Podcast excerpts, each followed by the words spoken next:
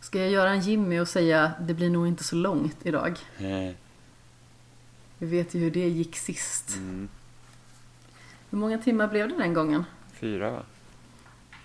Vi satt fyra timmar åtminstone och pratade. Kanske ännu längre. Det är nästan så att jag måste kolla upp det nu bara för att det är spännande. För att det är spännande. Avsnitt 23, det blir nog inte så långt. 3 timmar och 49 minuter.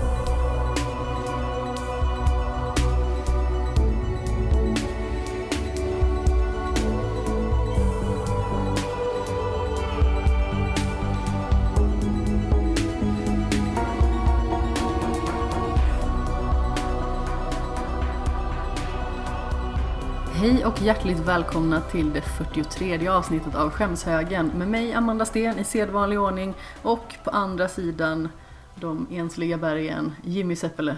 Hallå! Hur står det till? Det är bara bra med mig. Vad Hur är, det, hur är det själv? Det är bra här också. Jag kände att det blev väldigt formellt där Mm. nästan. Med tanke på att vi just har suttit och rapat och pratat Muminfisar och Jag grejer. har inte rapat. Jag har rapat och du har Muminfisit. Nej, det har jag inte gjort. Känner att de här anklagelserna Vi kan inte utesluta det. är grundlösa. Du är en Mumin och du kan fisa. Ja, men inte här och nu. Det kanske var en Silent Hunter. Nej. Det hade- hade, alltså, det, är, det är de som luktar, så att då hade jag inte varit lika avslappnad som jag nu. Hur hade du varit då? Jag vet inte, det luktar ju illa. Eget märke är alltid bäst. Alltså ja. Jag vet inte om jag håller med. Eller alltså, okej. Man föredrar sin egen fis framför någon annans. Det, så, så, det måste man bara säga. Jag säger ju det. Jag vet, men jag skulle inte säga liksom att eget märke är bäst. Är ju liksom så här. Eget märke får gärna vara någon annanstans. Som sagt, jag föredrar ingen fis framför fis, om man säger så. Vad logiskt det lät. Ja. Så är det. Ja. Sen har vi våran vän Oliver som föredrar fis framför Ja, allt men, annat. ja, men han föredrar ju, alltså han verkligen föredrar sina egna fisar och han föredrar att alla andra ska föredra hans fisar också. Det är där det blir fel. Ja, så himla roligt. Mm, Ja, kanske. Bortsett från bajsbilderna, du får skicka det till dig. Ja, nej, det är usch. Vill man göra Jimmy riktigt upprörd, då ska man skicka bajsbilder. Alltså vill man göra vem som helst upprörd så är det bara att skicka bajsbilder. Det är liksom, den här, den här grejen med att skicka bajsbilder är något som jag aldrig kommer förstå. Nej, jag har aldrig gjort det och jag kommer aldrig göra det heller. Nej, jag har, tanken har inte ens slagit mig. Inte ens efter att jag blivit liksom fått bajsbilder så har jag tänkt att åh, jag ska nog fota min bajs och skicka iväg. För att det problemet med Oliver är att han skulle säkert bli glad om jag skickade en bajsbild till honom. Och så ska jag ju aldrig, alltid få bajsbilder. Kan du tänka dig att Oliver ska bli pappa i juli? Alltså får jag en bajsbild efter att han har blivit pappa, då, då får man nog ta ett snack. Du kommer nog få bild på barnets bajs. Åh nej. Ja, verkligen åh nej. Den franska senapen slår tillbaka. Ja, nej men fy fan. Det är en liten Dijon som ligger där i blöjan. Jag tycker ändå det absolut roligaste är att hans fru blev avundsjuk på när han skickade bajsbilder till dig och inte till henne. Ja, Jag är avundsjuk, alltså det, det, det, går ju, det går ju åt två håll här. Jag är avundsjuk på henne som inte får några bajsbilder. Det är liksom, det är ju det tillståndet jag vill ha. Nemas bajsbilder. Som det heter på ren spanska. Jag har ingen aning.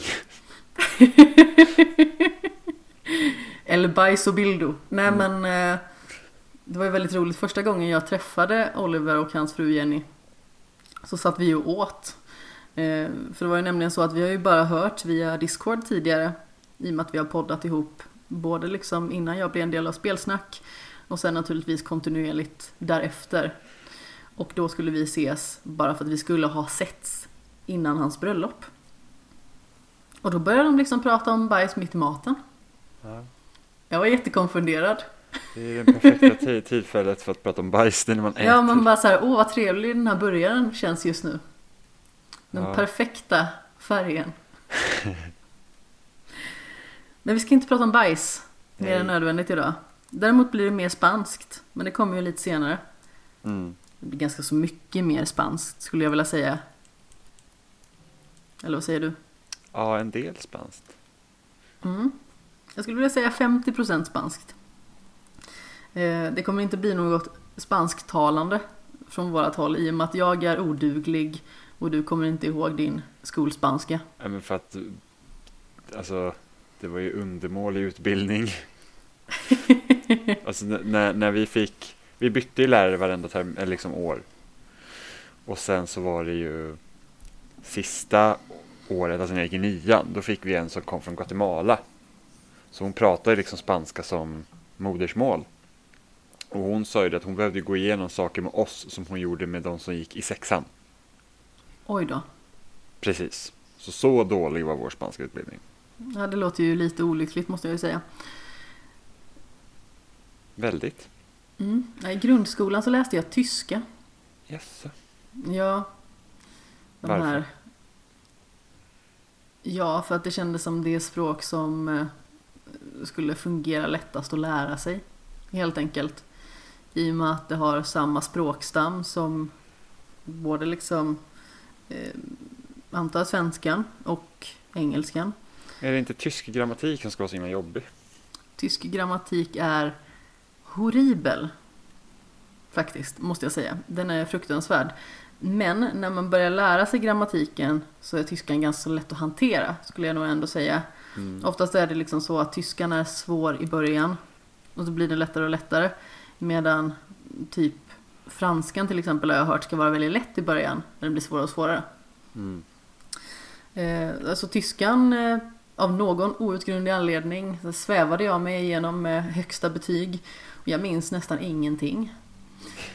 Eh, samma sak italienskan som jag läste mitt andra första år på gymnasiet. Och eh, också fantastiska betyg.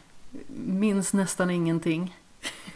Känner mig helt oduglig. Men som sagt, det är ju sådana grejer man inte riktigt använder så himla mycket. Jag menar, skoltyskan respektive skolitalienskan, vad har jag använt det till? Jag har köpt typ en frikadellmacka på en tysk mack. Och jag Mm. har beställt på italienska restauranger när jag har varit där.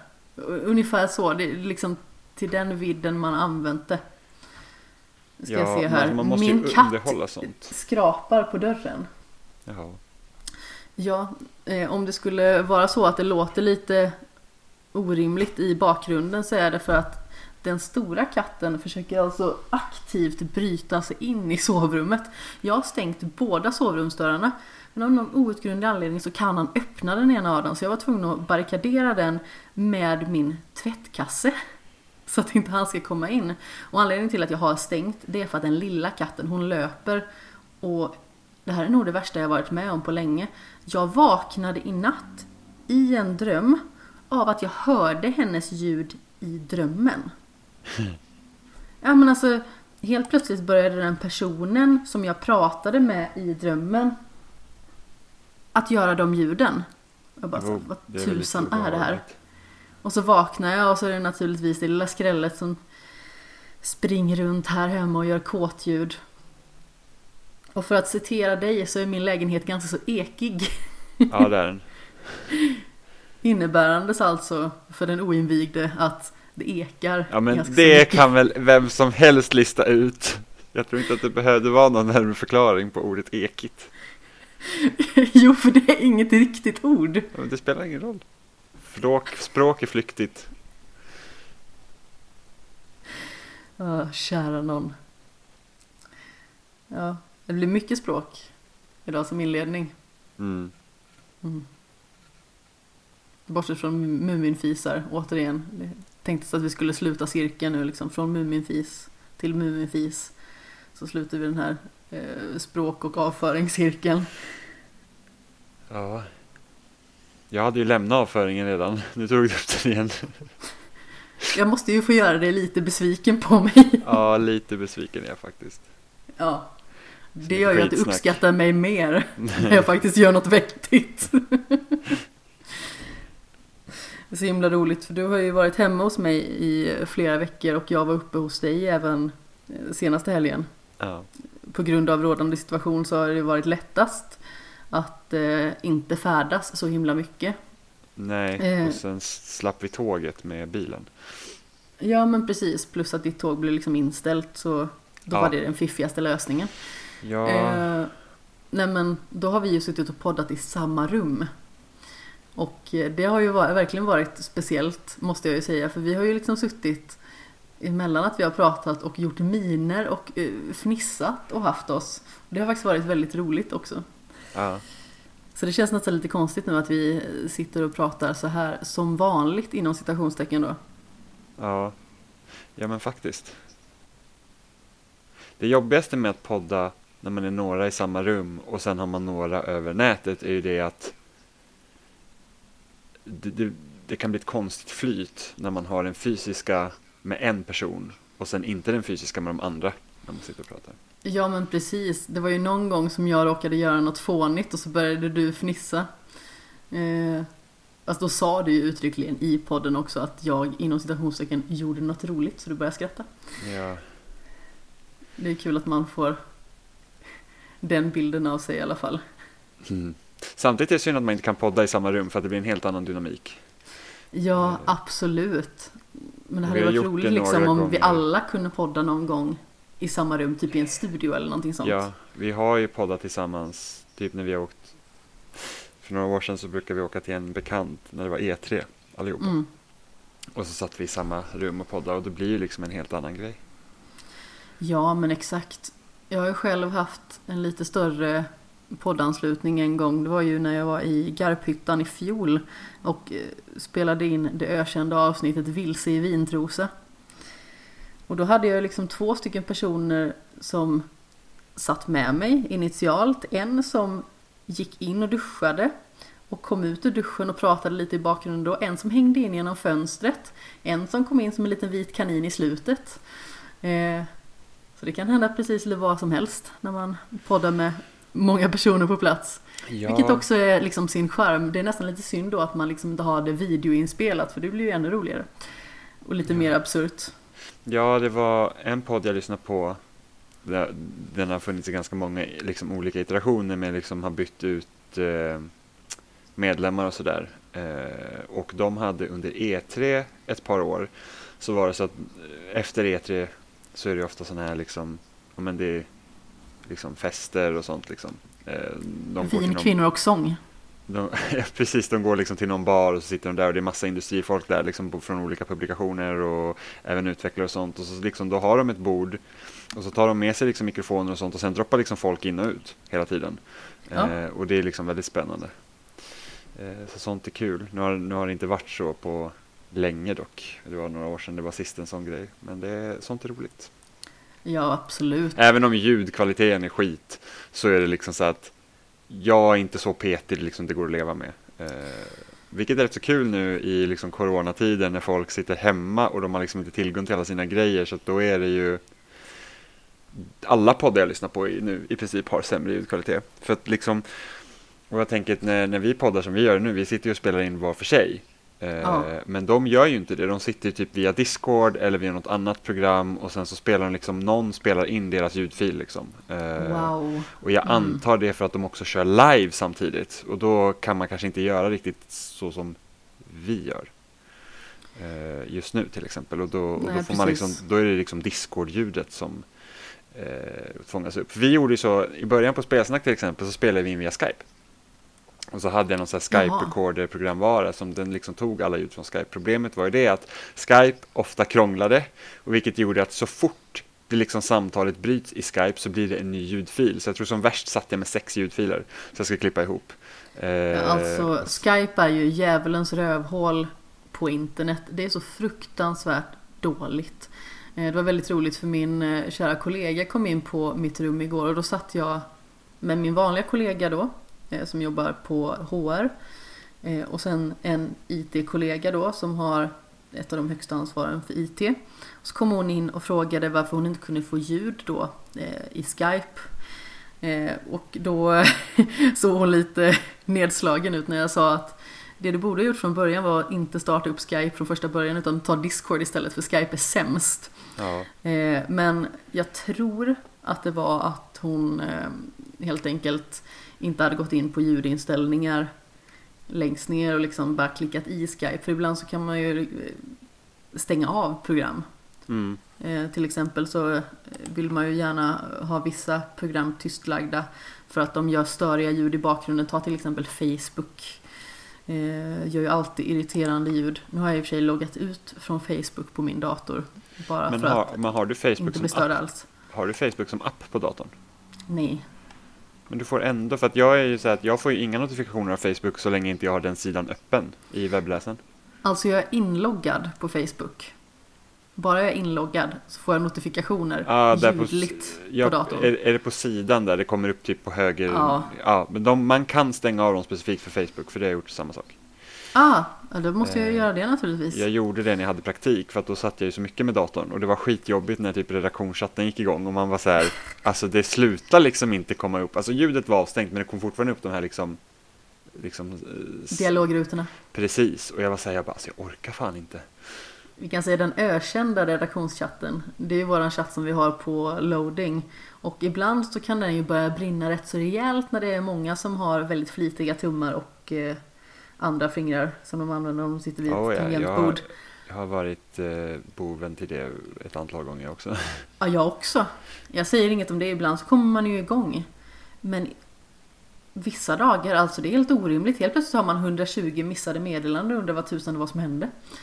Eh, Men det jag skulle komma till med Skype i alla fall var att när vi började spela in med TV-spelspodden, det var ju den första podden som jag var med i fast.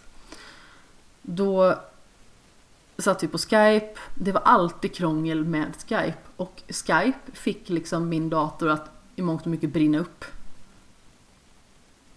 Så om jag hade Skype och något annat igång samtidigt, då överhettades min dator. Oj. Ja. Och sen så var min dator liksom så illa däran. Mm. Så att när jag skulle börja spela in eh, via Discord som vi gjorde sedan då. Så höll den på att muppa ur även så. Så eh, ända tills jag skaffade en ny dator så satt jag faktiskt och eh, pratade via min mobiltelefon. Och sen Eh, spela in vilket jag också ljudfilen gjorde. Ja, precis. Jag spelade in liksom ljud via Audacity, som jag alltid gör. Medan jag pratade i Discord via min telefon då. Vilket också har gjort eh, att jag har eh, ganska så lätt då kunnat podda utomlands. Så en gång så har jag poddat från eh, en stol i Italien. Och en gång så poddade jag ifrån eh, en annan, lite mer kyld stol i Frankrike. I och med att eh, i Italien så är det väldigt sällan i boenden att det finns AC. Så jag höll ju på att svettas kanonkulor. Jag var så varm så jag visste inte vad jag skulle ta vägen. Jag satt i underkläder och det var fortfarande inte tillräckligt. Mm. Horribelt, men, men nog om Skype. Den är, det är en fruktansvärd app som man liksom alltid borde hålla sig borta ifrån. Vi hittade ju en annan app som heter Mumble. Som är ett program Mhm. som man också kan spela in via. Eh, där man också skapar rum och så spelar man in så att alla filer hamnar i ett. Och det var ett stort misstag att vi satt med det så länge för att den ljudkvaliteten var jättedålig. Eh, och vi köpte så här nya mikrofoner och allting för vi tänkte att det kan fixa sig men liksom det programmet bara liksom sket ner i ljudkvaliteten så jävla hårt.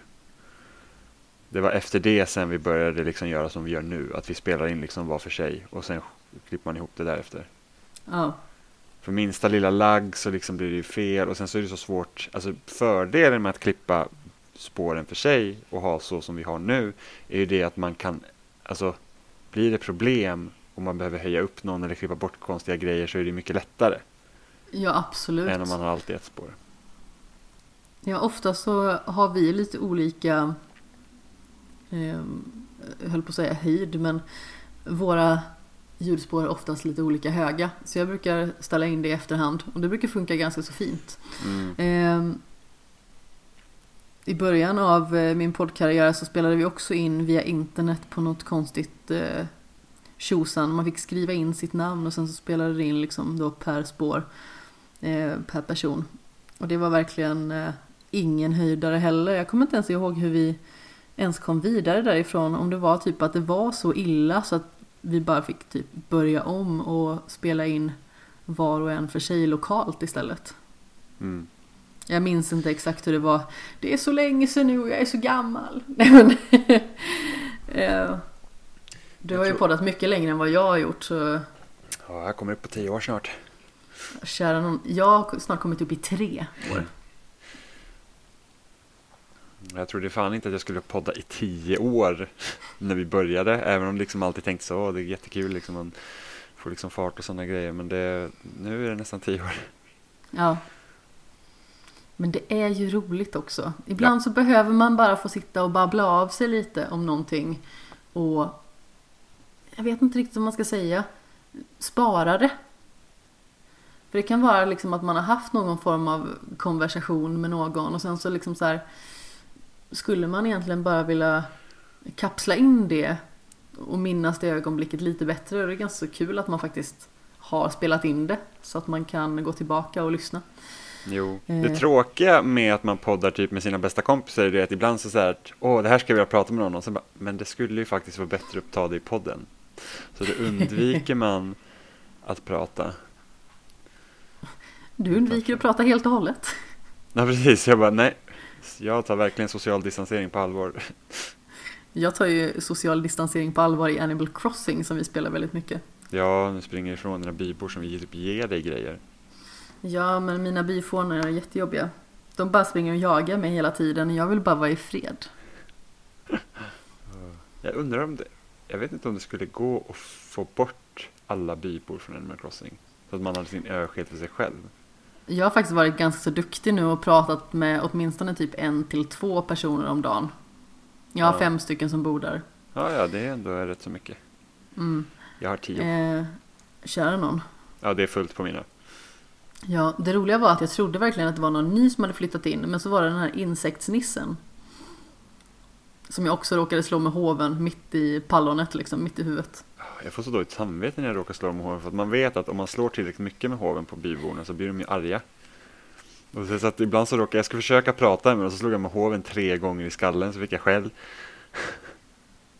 Jag var så här, åh nej, så jag skickade ett brev med ett paket till den sen för att jag var så, hade så dåligt samvete.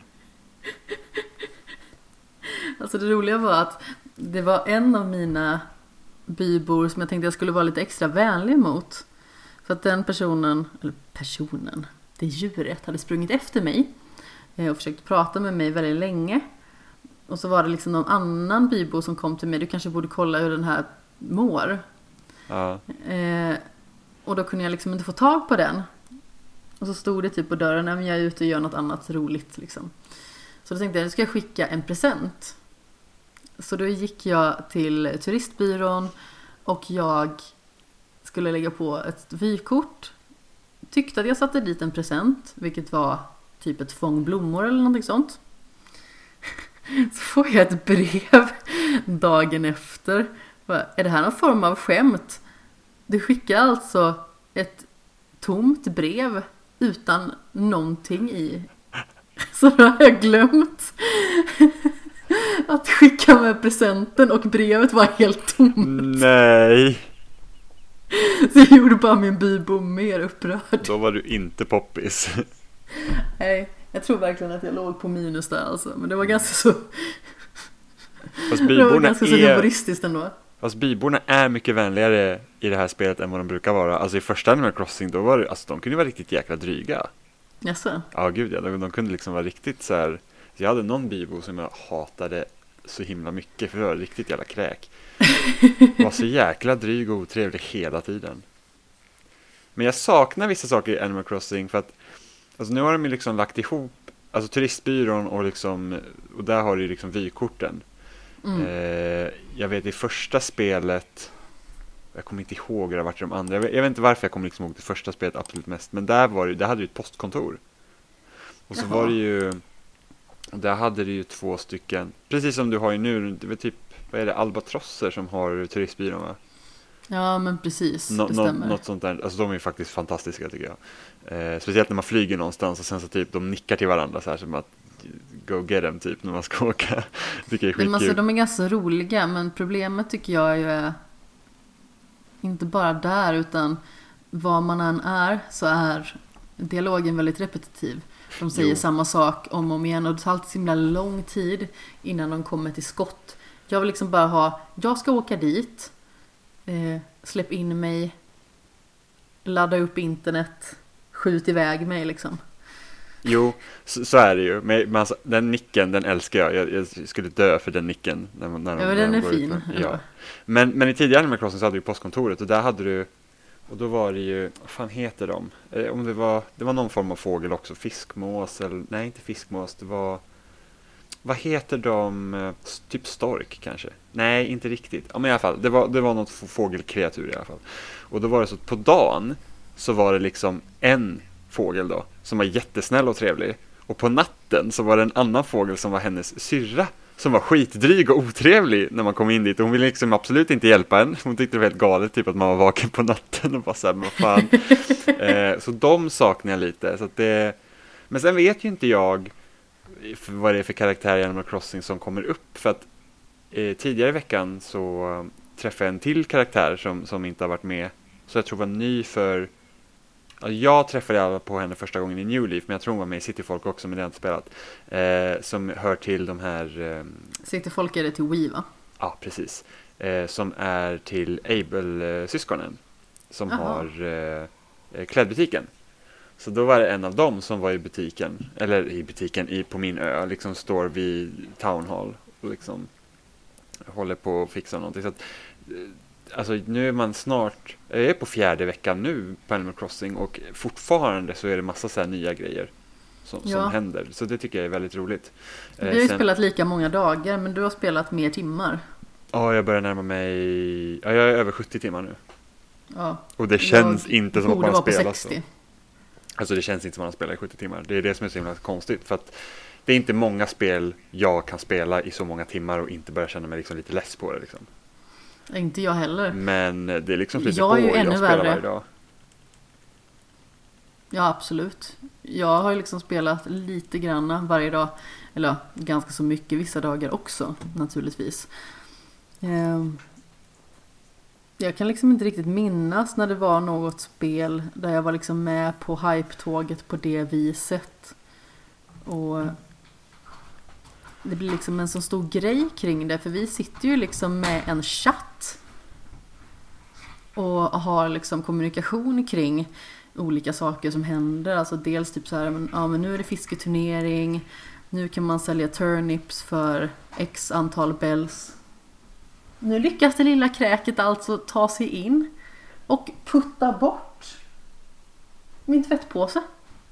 Men gud. Ja, det är nästan så att han får vara här inne. Jag vet inte riktigt vad han vill egentligen. Jag tror att han vill åt sängen för han låg väldigt bekvämt där när jag lyfte ut honom. Mm. Vi får se. Det ser ut som att han går ut nu igen. Han upptäckte väl att det inte var mer intressant än så här. Åh, hon stänger in sig. Ja, precis. Vad hon vill dölja. Ja, man vet ju aldrig. Vad jag i alla fall ville stänga ute det är det där ljudet som är i bakgrunden för det är fruktansvärt. Eh, så jag ska bara gå och stänga ute det en gång till.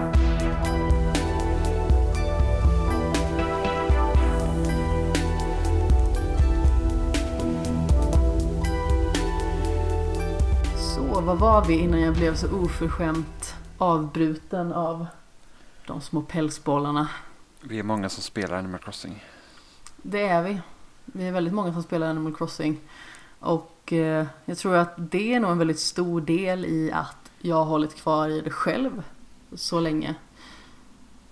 I och med att man kan besöka varandras ö, hela tiden händer nya saker. Jag vet ju bara liksom att häromdagen så kom ju den här utten till din ö och då spelade vi en fisketävling. Och lite sådana grejer. Och det är härligt att kunna göra sådana saker tillsammans. Utan att det blir, vad ska man säga, tävlingsinriktat på det sättet. Mm. För visst, det är kul att tävla också. Jag älskar att tävla. Det gör vi båda två. Men det är ju liksom inte därför vi spelar Animal Crossing. Utan man hjälps ju åt. Ja. Men sen får man också se vad Nintendo kommer lägga till i spelet. För jag tänker så att när jag liksom är klar att pilla med mitt hus och sen när man har pillat på sin ö, då är det så här, vad ska man göra sen? För min Ja. behållning just nu är att jag sitter liksom och, och fixar runt på ön och flyttar runt på grejer just nu. Och det tar ju lite tid eftersom man kan bara flytta typ ett hus i taget och lite sådana grejer. Men sen Ja. när man är klar med det så är det så här att vad kommer, liksom, vad kommer finnas sen? För det är en ganska stor del liksom för mig just nu Ja. att göra det. Och sen är Det inte tanken väl att man mest bli event, tänker jag. Jo, och sen är inte tanken att du ska liksom sitta och spela ganska så här hårt pressande liksom i tid och otid. Men liksom, det är kul ändå om de skulle lägga till lite grejer och sådär. Jag hoppas ju typ att det kommer fler byggnader till slut, att det kommer fler affärer. Ja, Eh, för absolut. Det, för nu finns ju klädaffären och så finns ju Nux lilla handel liksom. Eh, och i tidigare spel så har det funnits betydligt fler grejer. Det har liksom funnits så här, ja men frisörsalong och större klädaffär och, och lite sådana saker. Så det hade man faktiskt varit kul liksom, att man kunde fixa mera sådana saker. Ja, det ska bli intressant att se vad de gör med utvecklingen framöver här. Precis som du säger tidigare, det är ju liksom inte tanken med Animal Crossing att man ska sitta och plöja så himla hårt. Med tanke på att det blev sådana coronatider som det blev här så har ju folk liksom haft en möjlighet att spela mycket. Jag kan inte föreställa mig att jag hade spelat så här mycket om det liksom inte hade varit för att jag hade eh, jobbat hemifrån till exempel.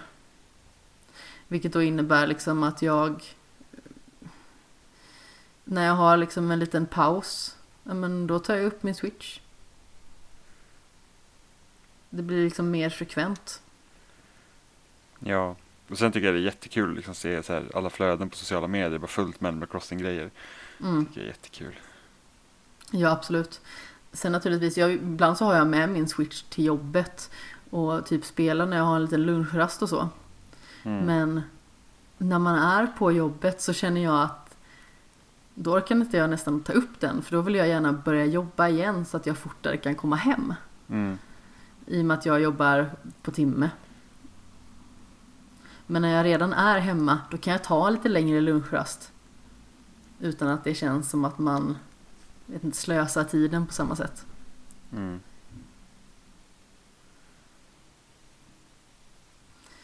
Men eh, ja, vi ska ju inte prata så himla mycket spel egentligen i eh, dagens avsnitt. Jag kan ju nämna däremot att min eh, Final Fantasy 7 Remake sitter på nedladdning där ute i vardagsrummet.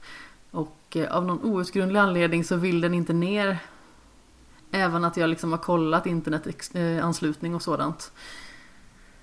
Vi får se om det blir något härligt eh, Final Fantasy-spelande för mig. Men eh, det är något lurt på gång alltså med den här skivan. För man får liksom en disk för data och en disk för att spela. Mm, har du testat att stoppa i skivan och sen så koppla bort internet från Playstation så att den installerar det som är på skivan först? Så behöver du inte ladda ner någonting. Jag får kolla här efter. Jag har inte så jättebra koll på liksom tekniska saker i allmänhet. Men eh, jag får kolla liksom om jag kan få något eh, på något vis att eh, funka. Men det är väldigt frustrerande i alla fall. Vad står det när det är error då liksom? Ja, det står bara ett kryss över. Mm, ibland kan man ju se på Playstation så skulle du kunna kolla vad anledningen till att den inte kan ladda ner. Så Ja. får man veta liksom är det problem med nätet eller är det problem med att du har för lite plats på hårddisken eller något sånt.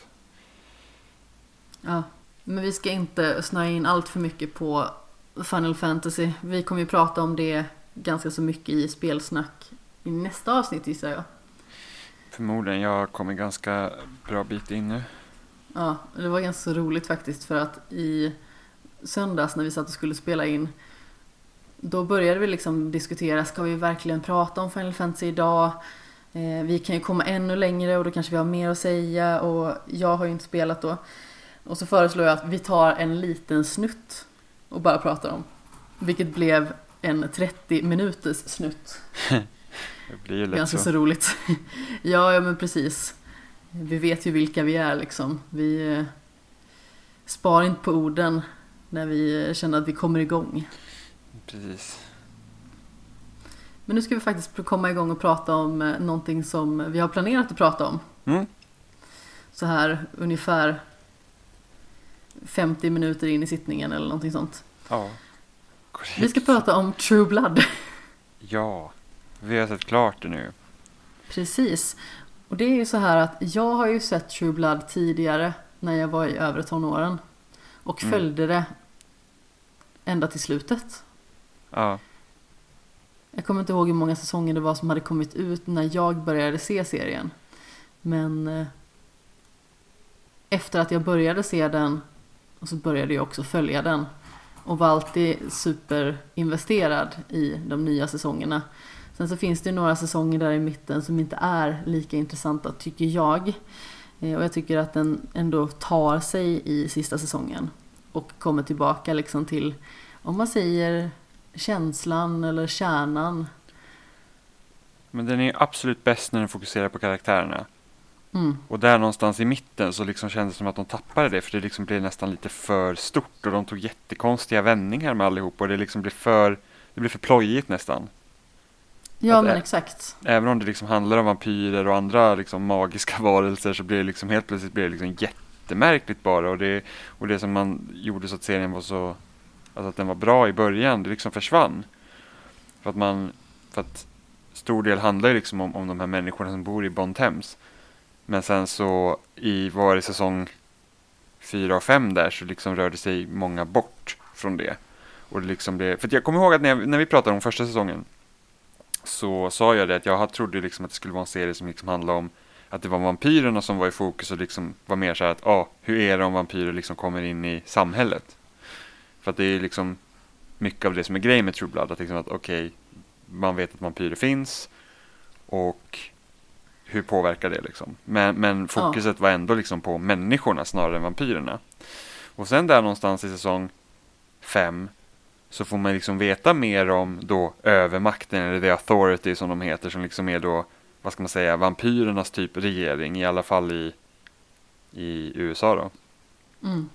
Eh, och, och de visar att de är mer som en religiös kult och liksom är jättemärkliga och det liksom blir så här att det, det, blir liksom nästan tråkigt för att det är liksom så att det, de gör inget intressant med det alls. Och sen när liksom Bill då blir någon form av typ gud.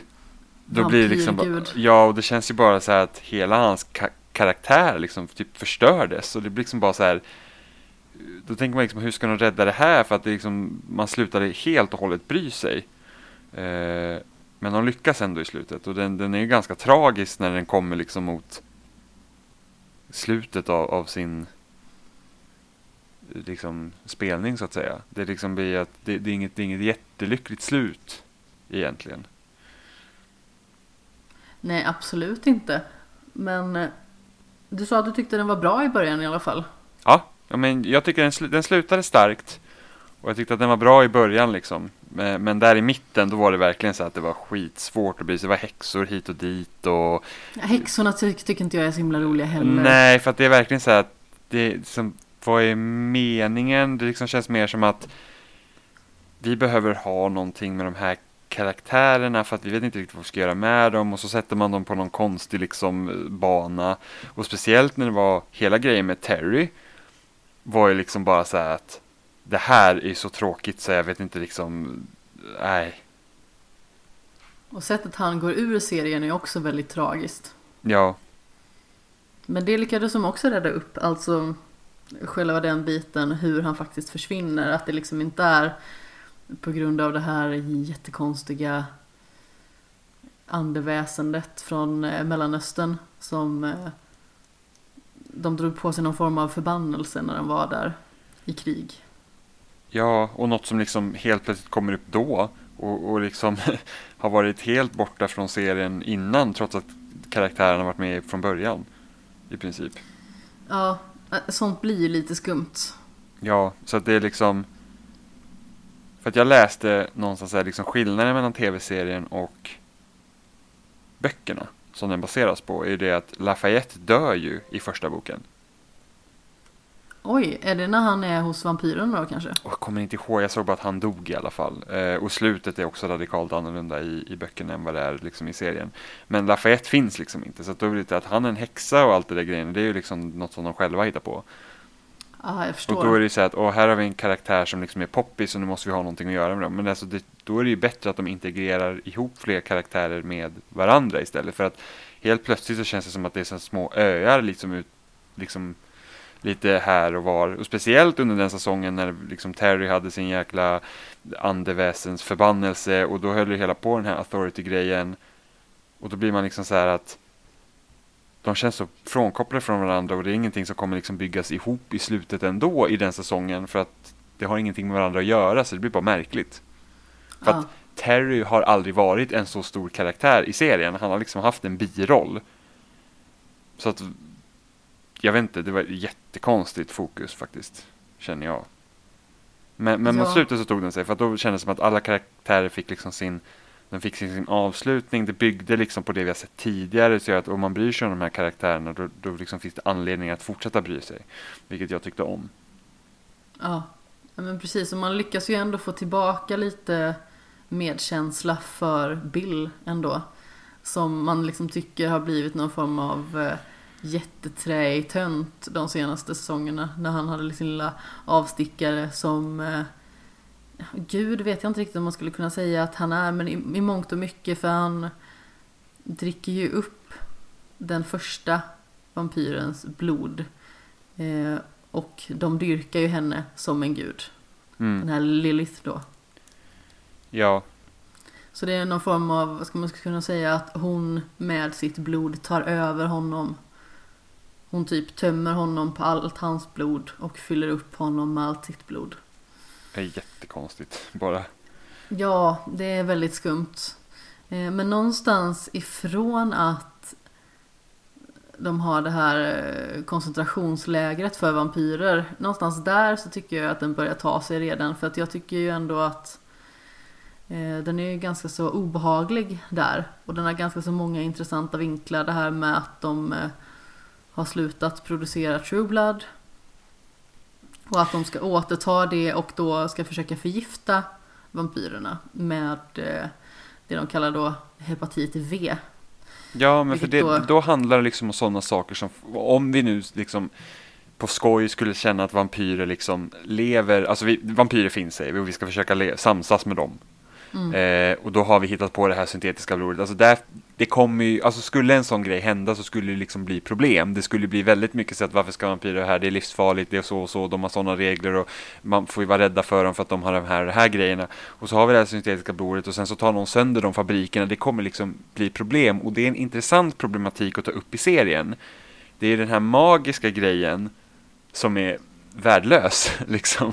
Absolut, För att det- jag det håller liksom- helt med. För det känns så nonsens medan så här att okej, skulle det här vara ett riktigt scenario och det här skulle hända, då känns det här rimligt och så vidare och så vidare. Eh, så att jag, ja, den delen var faktiskt jättebra, tycker jag också. Ja men det är väldigt mycket så. Saker i den här serien som man lite mer kan ta på. Alltså de här eh, varulvarna och vampyrerna. Och eh, hamnskiftarna som det också kallas. Eh, jag skulle säga skepnadsskiftare. Jag tycker att det låter bättre men det heter tydligen hamnskiftare. Eh, de är liksom lättare att ta på men när det liksom kommer i vägen sådana här Were Panthers till exempel. Och ja, och vad var ens dessutom- grejen med Were Panthers? Gav det någonting till serien? Nej, det gav ju liksom ingenting. Nej, det var typ så här, åh, Jason måste ha något att göra den här säsongen. Ja, och eh, den delen är ju fruktansvärt fånig. Ja. Eh, Det är ju bara för att det liksom ska kunna leda upp till att han och Jessica blir intresserade av varandra istället. Fast de var ju typ intresserade av varandra lite innan det, redan.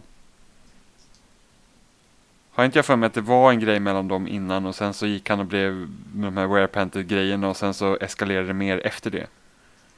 Nu blir jag lite osäker själv faktiskt. Men jag har för mig att det är ju typ att Jessica lite granna räddar honom när han tror att han ska bli varpanter då.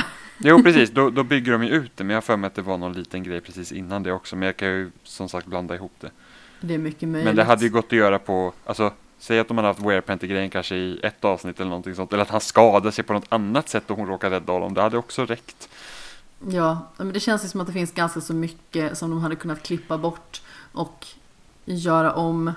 Det hade liksom räckt med kanske fyra, fem säsonger. Ja. Alltså till, tillräckligt långt för att de ska kunna etablera karaktärerna på det sättet som gör att man får en väldigt, ja men inte tillfredsställande final för den är ändå väldigt sorglig men på sätt och vis är den tillfredsställande ändå. Mm. För att den är bra. Men eh, tillräckligt kort för att vi ska slippa massa nonsens. Alltså jag tycker ju att allting som har med häxor och magi att göra i den här världen är så himla tråkigt. Ja, verkligen. För det var att de, de gör inget spännande med det heller. Och sen så här, typ vålnader och spöken och grejer. Det är så här bara, nja, alltså det... Ja men så här, vålnader, spöken, eh, förbannelser, häxeri. För, alltså, Hela den här fe-grejen tycker jag också är ganska så löjlig. Även att den liksom är väldigt är central. ganska så viktig. Men jag tror att den blev inte, alltså. Den var ju viktig liksom då på grund av då Sukis blod. Men liksom hela fesamhället och typ det som utmålades som något hot ett tag, det liksom gjorde de inte heller något med sen. Nej. Det bara droppades ju totalt, så det var liksom så här, jaha. Så märkligt. Nej men det är jättekonstigt för att det liksom. Det hade räckt det var om det bara hade varit vampyrer. Och sen ser vi då fe. Alltså hon som är fe och de andra feerna kunde ha varit utdöda eller någonting sånt. Vilket hade gjort henne ännu mer speciell. Vilket hade Ja. funkat. Och sen varulvarna kunde vi ha fått vara kvar också för att varulvar versus vampyrer är typ vanligt. Så att, Ja, och hamskiftarna tycker jag. ja, för ja att Jag tycker Sam också. är väldigt viktig. Precis, jo men det är sant. Sam. Nu sa jag det jättefånigt. Sam. Ja, Han den där Sam. ja, Han är jävla viktig du. väldigt viktigt. Det är också en karaktär som jag tycker växer väldigt mycket. Som man, I början så retar man sig lite grann på honom. Mm. Men det är bara för att han, han är där som en hägring för att man ska tro att han är skurk. Ja, Där, därför blir hans beteende väldigt lustigt i första säsongen för att sen försvinner det helt. plus att han är intresserad av Suki och deras förhållande blir lite konstigt. Ja, Så jag tycker det är liksom skönt när han mer får en egen väg att gå. Och hans historia utbroderas ju till någonting som känns väldigt betydelsefullt ändå. ja men alltså, de, de delarna tyckte jag om för att även om man nu liksom jämför hans delar till exempel med Terry eller typ Lafayettes magigrejsimoj så känns det ändå liksom att hans del var ju ändå bortkopplad också från huvudgrejerna men den kändes ändå liksom så bra gjord att det inte gjorde någonting. För att jag gillade Mm, hela grejen med hans brorsa till exempel. Jag tyckte att det, det, var, liksom, det var jättekul att titta på. Ja men precis, för han har ju en bror som också kan byta skepnad. Mm. Och eh, han har liksom ända sedan barnsben då blivit misshandlad av sin far genom att han har eh, tvingat honom att transformera sig till en hund så att han kan eh, spela med honom i hundfighter. Vilket han också gjort med eh, eh, pojkarnas mamma då. Mm. Jag tycker det är väldigt synd att hon tar pappans parti i slutet. Faktiskt. Med tanke på att hon har blivit så liksom, gravt misshandlad också. Ja. Väldigt besviken. Ja, men precis. Det kändes som att det hade kunnat äh, avslutas lite annorlunda. Men det är ingen karaktär man faller för direkt så heller. Nej, verkligen inte. Så det gör ju liksom ingenting att hon försvinner. Men det är väldigt otillfredsställande att det blev som det blev på något vis. Mm.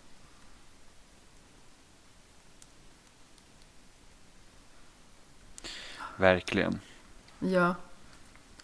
Men nu är ju den här serien, alltså den är ju inte gammal per definition så. Fast den är ändå rätt så gammal. Jo, jo. Alltså den är ju ändå Sen avslutades 12 2014. år gammal tror jag. Den avslutades 2014 och eh, första säsongen kommer 2007 eller något sånt där. Jag tror att eh, den är 12 år gammal Mm. i år. Så den är ju liksom inte nyponfräsch eller vad man ska säga. Eh, du som liksom ser den med, med nya ögon då. hur liksom känner du på, på det stora hela för serien? Alltså känns det liksom sevärt eller känns det liksom som att Alltså, jag tycker den är helt okej. Jag, jag vet inte om jag hade rekommenderat någon säger så här, "Åh, jag vill se en serie, om du ska se True Blood. Då vet inte jag om jag hade valt den. Nej precis. Ehm, för jag kommer ihåg att det var ju liksom, när den kom, det var ju lite hot shit då. Jag kommer ihåg att alla pratade om True Blood. Och sen kan det hända att det också blir lite större här i Sverige på grund av att Skarsgård är med i den. Men, Han är ju fantastisk. men jag kommer ihåg liksom att den var liksom, den var stor. Ja, absolut. Men det är liksom, då, alltså, om jag skulle typ välja en serie, alltså det här det kommer vara så dumt, men om man skulle liksom ta en serie som har vampyr och sånt så vet inte jag Tänker jag... du säga Vampire Ja, Diaries jag nu? tänkte nog säga att jag kanske till och med skulle tycka att Vampire Nej. Diaries är att det, jag, har inte sett, jag har inte sett klart Vampire Diaries, jag har två säsonger kvar eh, av den. För att de fanns inte på Netflix då när jag kollade igenom den för typ två somrar sedan. Men alltså den avslutningen som huvudkaraktären fick, för att hon är inte med i de två sista säsongerna. Den var, alltså, den var jävligt bra. Den kändes så himla välgjord med tanke på vad det är för typ av serie. Liksom, jag skulle inte säga så att åh, det är det bästa slutet någonsin i en, i en serie, men liksom för vad serien är så, alltså, jag var otroligt imponerad över den avslutningen som hon fick. Alltså jag har inte sett hela Vampire Diaries, jag har sett några avsnitt. Det är absolut inte min kopp te alltså. Men det är ju en CW-serie, det är ju liksom, det är vad det är. det är liksom så att, ja, det, det är liksom den typen vad det är för någonting. Så att liksom, ja, det är typ One Tree Hill, The OC liksom. Jag älskar One Tree Hill. Riverdale. Riverdale har jag inte sett, den är i min lista dock.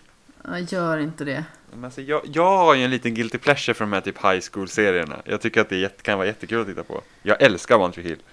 När jag såg första avsnittet av Riverdale så blev jag ändå ganska intresserad för det verkade lite spännande på något vis. Mm. Och sen så bara spårar den ju käpprätt ut i skogen och in mellan bergen och ner i sjön. Men den, de, Helsike vad märklig den är. Men alltså den typen av serier, de har ju den hooken liksom. Att det är så att det, det är som det är som typ en påse chips. Man kan liksom inte sluta när man väl har börjat, även om det inte är jättebra. Tro mig, jag kunde sluta. Men jag, jag kan ha svårt att sluta liksom när jag väl börjar titta på en serie. Ja men det kan jag också. Men i det här fallet var det verkligen ett eh, stort och bestämt nej. Jag kände verkligen att nej. Den här serien har stulit tillräckligt av min dyrbara tid. Inget mer. Mm. Jag accepterar inte det här. Men som sagt, jag, eh, jag har inte sett klart på på Vampire Diaries heller. Så, att- men även om jag skulle vilja göra det. Men alltså, den, den är så himla, alltså, det är så himla fult i Vampire Diaries för att det, det är den här typiska grejen som kommer från Twilight. Att det ska ju vara team det ena eller team det andra. Och det är bara det att huvudkaraktären väljer ju fel och det stör mig så oerhört mycket. Men där är liksom också, precis som med Bill och Suki till exempel. Så liksom det, det de förstör också den ena karaktären i Vampire Diaries. Liksom som att det är det är liksom att de, de tar, inte lika tveksamt som det var med Bill, men det är, lik- de går igenom lite samma sak. Att liksom så att båda två är vampyrer, båda två liksom är, är en mänskligare form av vampyr, alltså de har kontakt med sin mänskliga sida så att man ska inte äta liksom folk och sådär. Ja, Eh, och sen så händer någonstans i mitten av serien så att det liksom, de går tillbaks till att bli det här liksom odjuret om man säger så. Eh, och det är liksom, det blir så konstigt. Mm, Och det blir även konstigt i Vampire Diaries. Det liksom så att det här känns liksom inte som samma karaktär längre och sättet de gör det på inte det snyggaste men, men liksom det, det ordnar sig ändå Mm. till slut. Och det, jag tycker, jag tycker, att det som händer Bill är värre. menar du slutet? Ja, Alltså Eller- när Bill blir konstig. Jaha, det, är värre, det är värre än vad det är som händer i Vampire Diaries. Liksom, för jag tycker att det med Bill, det, liksom, det, det, det tjappade hela liksom, serien på konstig liksom, väg. Medan så var det inte för Vampire Diaries i alla fall. Jag tycker ändå att det är ganska skönt att Suki inte väljer någon av dem. Eh, när hon liksom i mångt och mycket ställs inför det valet. Så Mm. går hon en annan väg. Eh, Oh, absolut, Så- men jag tror att det hade varit mer effektfullt om Bill inte hade blivit lika koko. Ja, För att då, absolut. då fanns det en sån tydlig brytpunkt där att okej, men han är ju körd. Liksom, då var det så lätt för henne att kunna liksom säga nej. Men liksom, hade man ställt inför det valet, liksom, okej okay, Bill kan ju fortfarande haft liksom annan konflikt eller problematik, men liksom, hade hon ställts för det valet, liksom, att okej, okay, jag kan välja med att vara med den här personen som är liksom i princip död, eh, per definition då, och, och liksom att hon vill liksom då skapa familj och det är omöjligt om hon är med Bill. Liksom, hade hon behövt göra det valet och fortfarande liksom haft sådana känslor för Bill, det hade ju varit jobbigare. Och kanske intressantare att se. Ja, definitivt. Jag håller med. Sen så nämnde du One Tree Hill där i förbifarten. Ja. Som jag också har sett en eh, hyfsad del av. Det var väldigt, väldigt länge sedan nu. Jag såg OC också när det begav sig. Mm. Eh, några säsonger. Typ fram till att Marissa dör ungefär. Sen orkade jag inte mer. Nej men alltså den serien totaldog ju när hon dog. Jag har inte sett så långt. Jag har sett typ en säsong av OC. Men Eh, kan du jag, inte ose den? nej, precis. Mm -hmm. och sen, men när hon dog så vet jag typ att alla så här, tittarsiffror och sånt bara liksom totalt dök. Ja, eh, det var väl så. Hon var en väldigt eh, populär karaktär. Men eh, i One Tree Hill, vilket lag var du på? Var du lag Brooke eller var du lag Peyton? Är, är, det, är, det, är det mellan tjejerna vi väljer?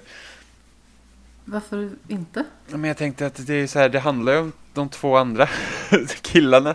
Eh, ja, men alltså vi har ju... Jag, alltså... Det är ju i stort sett de två tjejerna som Lucas hela tiden ställs och, emellan på något vis. Ja, det ändrar sig så mycket mot slutet. Eh, jag har inte sett ja, nej, men slutet. Nej, alltså, men alltså, jag, jag kommer inte ihåg vilken den senaste säsongen var eh, som jag såg. Ja, men jag kommer hela tiden ihåg att det är de två liksom som eh, var mycket med i alla fall. Alltså jag gillar ju Brooke som karaktär mer än Peyton, men jag tycker att Peyton och Lucas passar bättre tillsammans. Jag tycker inte om Brooke. Alltså hon blir jättebra sen. Det är samma, Nathan är också skitdryg i början och sen blir han ju, alltså han blir i princip huvudkaraktären sen. Eh, och det blir jättebra. Mm. Men det var också en sån här serie, det var, det var bra så här, lite så här guilty pleasure för mig. Eh, jag blev ju glad när de spelade Nada Surf, för det är ju ett band jag lyssnar på. Mm, men väldigt, alltså jag tror den fick till och med så här, typ någon Emmy-nominering i alla fall för val av musik. Ja, kanske det. Eh, för den var, den var ju väldigt centrerad kring musik överlag. Eftersom det var den här klubben som var ganska central i den och så. Ja. Eh, och jag tror de även släppte så här, på den tiden man fortfarande använde CD-skivor så, så, finns det liksom flera olika volymer för liksom till så ah, One Tree Hill Collection och så är det typ första säsongens uh, CD-skiva och sen andra säsongen. Så. One Tree Hills Smurf-hits. Ja men Smurf-hits var fantastiskt. det kan jag inte tro på. Jo, Smurf-hits var awesome. Alltså det var... Tänk nu att jag var sex år gammal när Smurfits kom typ, så då tycker man att det är awesome, men det, det var faktiskt På den tiden du fortfarande var 1,50 Ja men precis, ja men faktum är att jag var över 1,40 när jag var sju år gammal, för då kunde jag åka allt på grund av Det är långt. Jag vet, men jag, jag, kan inte liksom, jag kan inte reflektera, åh gud vad lång jag måste ha varit eftersom jag, jag har liksom ingenting att jämföra med, men liksom jag kan tänka mig att när andra sjuåringar hör hur lång jag var som sjuåring så kan man tänka att det är långt. Jag var nog 1,40 när jag var typ 10 eller någonting. Va? Jag var typ, jag tror jag gick i sexan så var jag väl 1,70 tror jag i alla fall. Ja, jag tror att det var i sexan, sjuan där som jag började växa. Och mm. växte om min mamma. Jag har alltid varit lång så att det är liksom. Ja. Jag kommer ihåg det var jag och sen en tjejkompis som heter Kristina. Så vi var lika långa ganska länge. Sen växte jag om betydligt.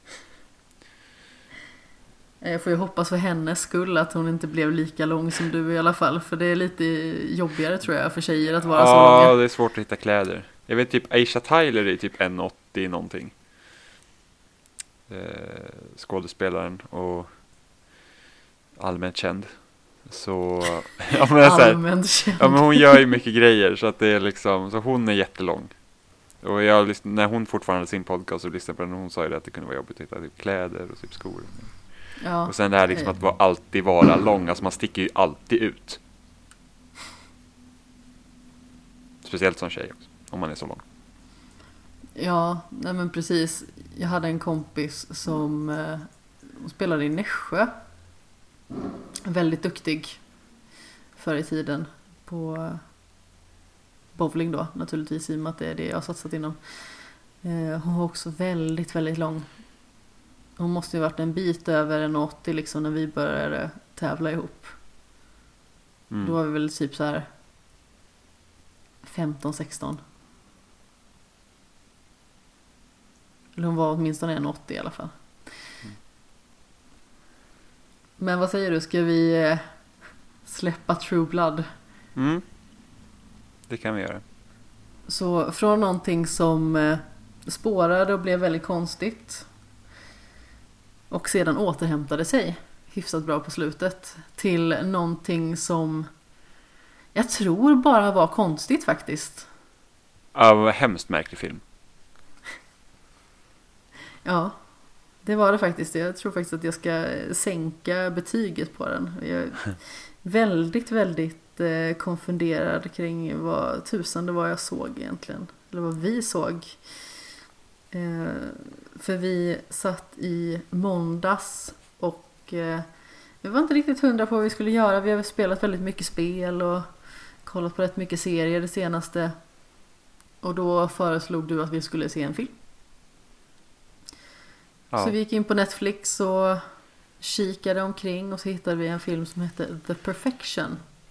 Jag tror att vi, jag tror den valdes också för att den var kort. Det var liksom att den var inte så lång som alla andra filmer. Ja men precis, alltså, det var ganska så tätt in på att jag skulle åka hem också. Mm. Så därför så skulle vi liksom inte ta Prisoners till exempel som jag för mig är typ så här två och en halv timme Ja. lång ungefär. Eh, Men den här var hyfsat kort. Den verkade på den lilla filmsnutten som man fick se ganska så spännande ändå. Och sen så börjar filmen. Och i början så är man lite osäker på vart den är på väg för någonstans. Eh, Och det känns som att det är på något vis någon form av röd tråd genom hela filmen för den tar väldigt absurda vändningar. Ja, det är väldigt liksom oklart. För att den här filmen, för att den handlar om det är de här två tjejerna då som, eh, som är duktiga på att spela Cello. cello, precis. Jag hade bara fiol i huvudet och jag bara, jag vet att det är fel. eh, som bo, båda, Citra! båda är jätteduktiga cellospelare. Eh, och, och de har båda gått på så, samma skola, om man säger så, och blivit upplärda. Eh, varav den ena tjejen har behövt ta hand om sin sjuka mamma. Så det är liksom, Charlotte. Precis, Charlotte. Eh, och det är liksom tio år sedan hon gick på den här skolan och då är den här andra tjejen som är då den Elizabeth. yngre versionen av henne i princip. Eh, så har liksom blivit berömd liksom cellospelare. Och liksom egentligen har den rollen som hon då borde ha haft, känner hon.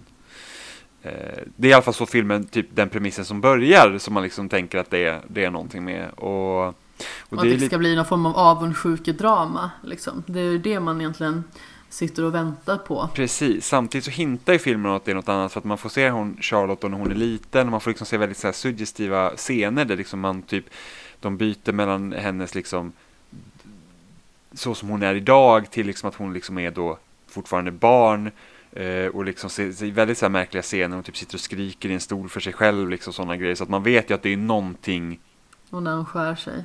det, det, precis, det är någonting som, som på gång här. Men då, då blir de här två då typ tillsammans och sen så åker de på en resa till Kina.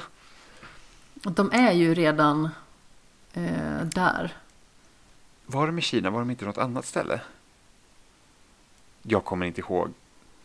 De träffas i alla fall på en spelning som, som hon den ena, den, den yngre tjejen har då. Ja men precis. Och det är ju kopplat till en talangtävling också. Precis, och sen åker de på en resa och då visar det sig att då En Alltså busstour kan man väl säga eh, ute i bergen. Ja men precis, och det är så märkligt för att helt plötsligt så känns det som att filmen liksom blir till någon så här skräckfilm och då börjar man undra så här att är det här typ någon så här för att hon tror, den ena, den yngre tjejen, hon tror att hon blir sjuk.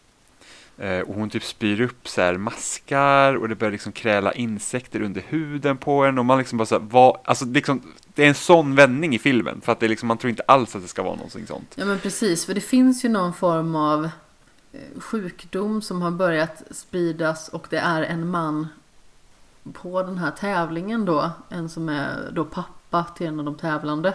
Och han blir jättesjuk, spyr och svimmar, mer eller mindre. Ja, Och eh, sen på den här bussfärden då så blir hon lika dålig och börjar spy och eh, hennes mage ballar ur fullkomligt. Eh, och sedan så börjar hon, eh, vilket man inte vet då, hallucinera. Precis. Men eh, Men det är liksom bara så himla märkligt. Så man, man, så på det sättet i filmen gör det ju någonting bra. Att man sitter ju hela tiden på tårna. För man säger bara, jag har ingen aning om vad som sker just nu. Liksom, jag vet Nej, inte precis. vad... Men, men det, det är liksom samma sak som man såg Knives Out eller typ Parasite. Att liksom den, de filmerna har också vändningar. Men det här var ju liksom bara så här. De vändningarna kändes ofta ganska rimliga. Det var så här, ah vad intressant. Men här var det bara så här, det här är bara konstigt. Ja, men man sitter hela tiden och höjer på egna ögonbrynet när det kommer en ny sekvens för då Nu kommer vi att spoila den här filmen så har man inte sett den och absolut vill se den eh, Varsågod, men då får man eh, räkna med ifall man vill lyssna vidare just nu att vi kommer att eh, hugga den här lilla filmen i små bitar. Men hur som haver så visar det ju sig efter då att eh, Charlotte har gett eh, Elizabeth en, jag tror att det är en köttyxa. Eh, Ja, som- en köttkniv. ja, En stor köttkniv. Ja, men precis en sån eh, rektangulär Med sak. ett hål i sig. Exakt. Det Eh, är köttkniv tror jag det kallas. Ja, jag kommer inte ihåg. Eh, Det ser ut som en yxa. Men eh, skitsamma. Hon hugger av sig sin egen hand i alla fall för att det börjar kravla kryp ur eh, blodådrorna helt enkelt. Men det var ganska snyggt gjort ändå när liksom, för att det visar sig att det är Charlotte som har drogat henne. Så Ja. att hon liksom ska hallucinera, men det var så himla snyggt gjort ändå, för att man vet ju inte om det när hon, när hon drar fram kniven. Och man säger bara, för att det är där man liksom börjar ifrågasätta filmen, så här bara, vad är det för orimligheter här? Liksom, var fick hon kniven ifrån? Varför, hade hon är- den med sig? Ja, men eller hur? Och sen så varför är hon så himla... Alltså varför börjar hon ens pusha liksom... Alltså för att dialogen där var så också så konstig, för att hon var så här, hon bara, men kolla din arm, det kryper saker på din arm, du måste göra någonting åt det. Och jag bara, men vad ska hon göra någonting åt det? Det är liksom... Det är helt absurt, för det är så här att antingen den här filmen är jättedåligt skriven tänkte jag först, eller så är det någonting mer, och sen så visar det sig att det var Något någonting lurt. mer. Men det var ganska snyggt gjort ändå, för att liksom man började märka på Charlotte att, så här, att det är hon som har planerat det här. Eh, så det var snyggt gjort. Ja men precis, man tror ju att hon har förgiftat henne först. Eh, att hon förmodligen kanske har några psykopatiska tendenser eller någonting och eh, lider av svår avundsjuka och då liksom har gått i säng med den här kvinnan, förgiftat henne och då sett till att hon hugger av sig en av sina händer som är vitala delar eh, när hon ska spela cello. Ja. Och sedan så spolas bandet tillbaka, alltså bokstavligen så bara zip, hela vägen då tillbaka till att eh, de möts tror jag att det är. Ja, så att man liksom får se då hela händelseförloppet, liksom att var, var någonstans började planeringen liksom. ah, just det. Eh, det spolar tillbaka bandet till att de vaknar upp efter att de har legat med varandra. Mm. Eh, och då tänker man ju liksom initialt där att ah, här får man liksom se själva planen på hur hon skurkaktigt eh, förgiftar henne och det får man också. Mm. Men det tar ju flera vändningar Ja, till. men sen är det så himla, ja precis, det är liksom, det är inte slut där, för att vi har ju ingen aning om varför hon gör det här. Det är liksom, Man vi, tror ju att det är avundsjuka. Ja, men precis. Och sen så, sen så blir hon den här, vad heter hon? Inte Charlotte, vad heter hon? Elisabeth. Elisabeth, precis. Hon blir liksom, hon blir då ratad av den här liksom skolan då hon har gått på, eller liksom, som har varit hennes agenter egentligen, som har varit, Mm. de som har lärt upp både Charlotte och Elisabeth. Eh, och de liksom typ helt säger att nej men du är inte värd någonting för oss längre så att För du kan inte spela. Nej, precis, du får inte vara kvar. Eh, och då, ham- då går ju hon ut på något så här hämnduppdrag, för då vill hon ju liksom ge igen på Charlotte, så då åker ju liksom, söker upp henne, hittar hem till henne och ska typ, ja men i princip ha ihjäl henne. Och sen så nästa liksom del så ser vi liksom att då har, då, då, kör, hon, då kör Elisabeth med Charlotte i, liksom i hennes baklucka på bilen till hennes då lärare slash agent och bara säga att ah, jag hittade henne, nu ska vi liksom ge igen typ. Mm. Och sen i nästa scen då är, liksom, då är Charlotte typ fastbunden i, Nej, det är inte alls så. Nej, de, de båda går, kommer in då till det här huset. Eh, och, liksom, och Charlotte försöker då liksom säga att nej men hon är typ sjuk och det här, jag, jag förstår liksom inte vad bla bla bla som har hänt. Till att sen liksom bli fastbunden i typ deras källare. För då visar det sig att den här då läraren är ett riktigt jäkla svin. Mm. Som typ En sättet sexualförbrytare. Precis, och sättet de liksom lär upp då de här unga kvinnorna är att när de, de, de liksom har då ett det är någon låt de ska spela liksom perfekt, alltså det ska vara helt perfekt. Annars så är de ett gäng gubbar som förgriper sig på dem. Och det är väl liksom så att det är en ganska skev grej i, liksom i handlingen ändå, liksom att, att då för att då förvandlar man liksom typ att åh, här har vi då kvinnor som ska liksom då vara empowered på grund av att de har blivit förgripna på. Vilket är lite... Mm, det blir en hämndhistoria den vägen Ja, istället. men liksom det är lite småvidrigt ärligt talat att liksom använda det liksom så att, åh men, åh de här blir våldtagna så att nu gör vi en film om de våldtagna där de får liksom vara, alltså bara för att, alltså de är kvinnor och då har man liksom hela den här våldtäktsgrejen på där, vilket jag kan tycka är Mm. ganska tråkigt för att det, det, det är ändå inte så ovanligt, även om sättet det görs på den här filmen är ganska extraordinärt på Mm. ett sätt. Jag gillar ju att det är en hämndhistoria, men jag gillar inte hur den utförs. Nej, men jag känner att det var väl liksom lite... Varför måste det just vara den vinkeln där egentligen? För att det är kvinnor, antar jag. Eh, Det känns som att det tyvärr är det grepp som eh, många skapare tar. Alltså att eh, när det gäller kvinnor så inom citationstecken måste det vara sexuellt våld. Bara för att eh, jag vet inte, det är skrivet i någon Ja, för att alltså... eh, oskriven kunde- regel. Ja, för det kunde liksom alltså jämför till exempel med Whiplash. Som Ja. är liksom åt, åt... Den är inte lika liksom absurd som den här filmen, men där var det verkligen så att du ska spela korrekt, liksom, då pressar man dem på ett helt annat sätt. Mm. Liksom att du vill vara här för att du vill vara bäst, och om du vill vara bäst då är det så här vi gör. Och inte, alltså jag kan inte tänka, alltså...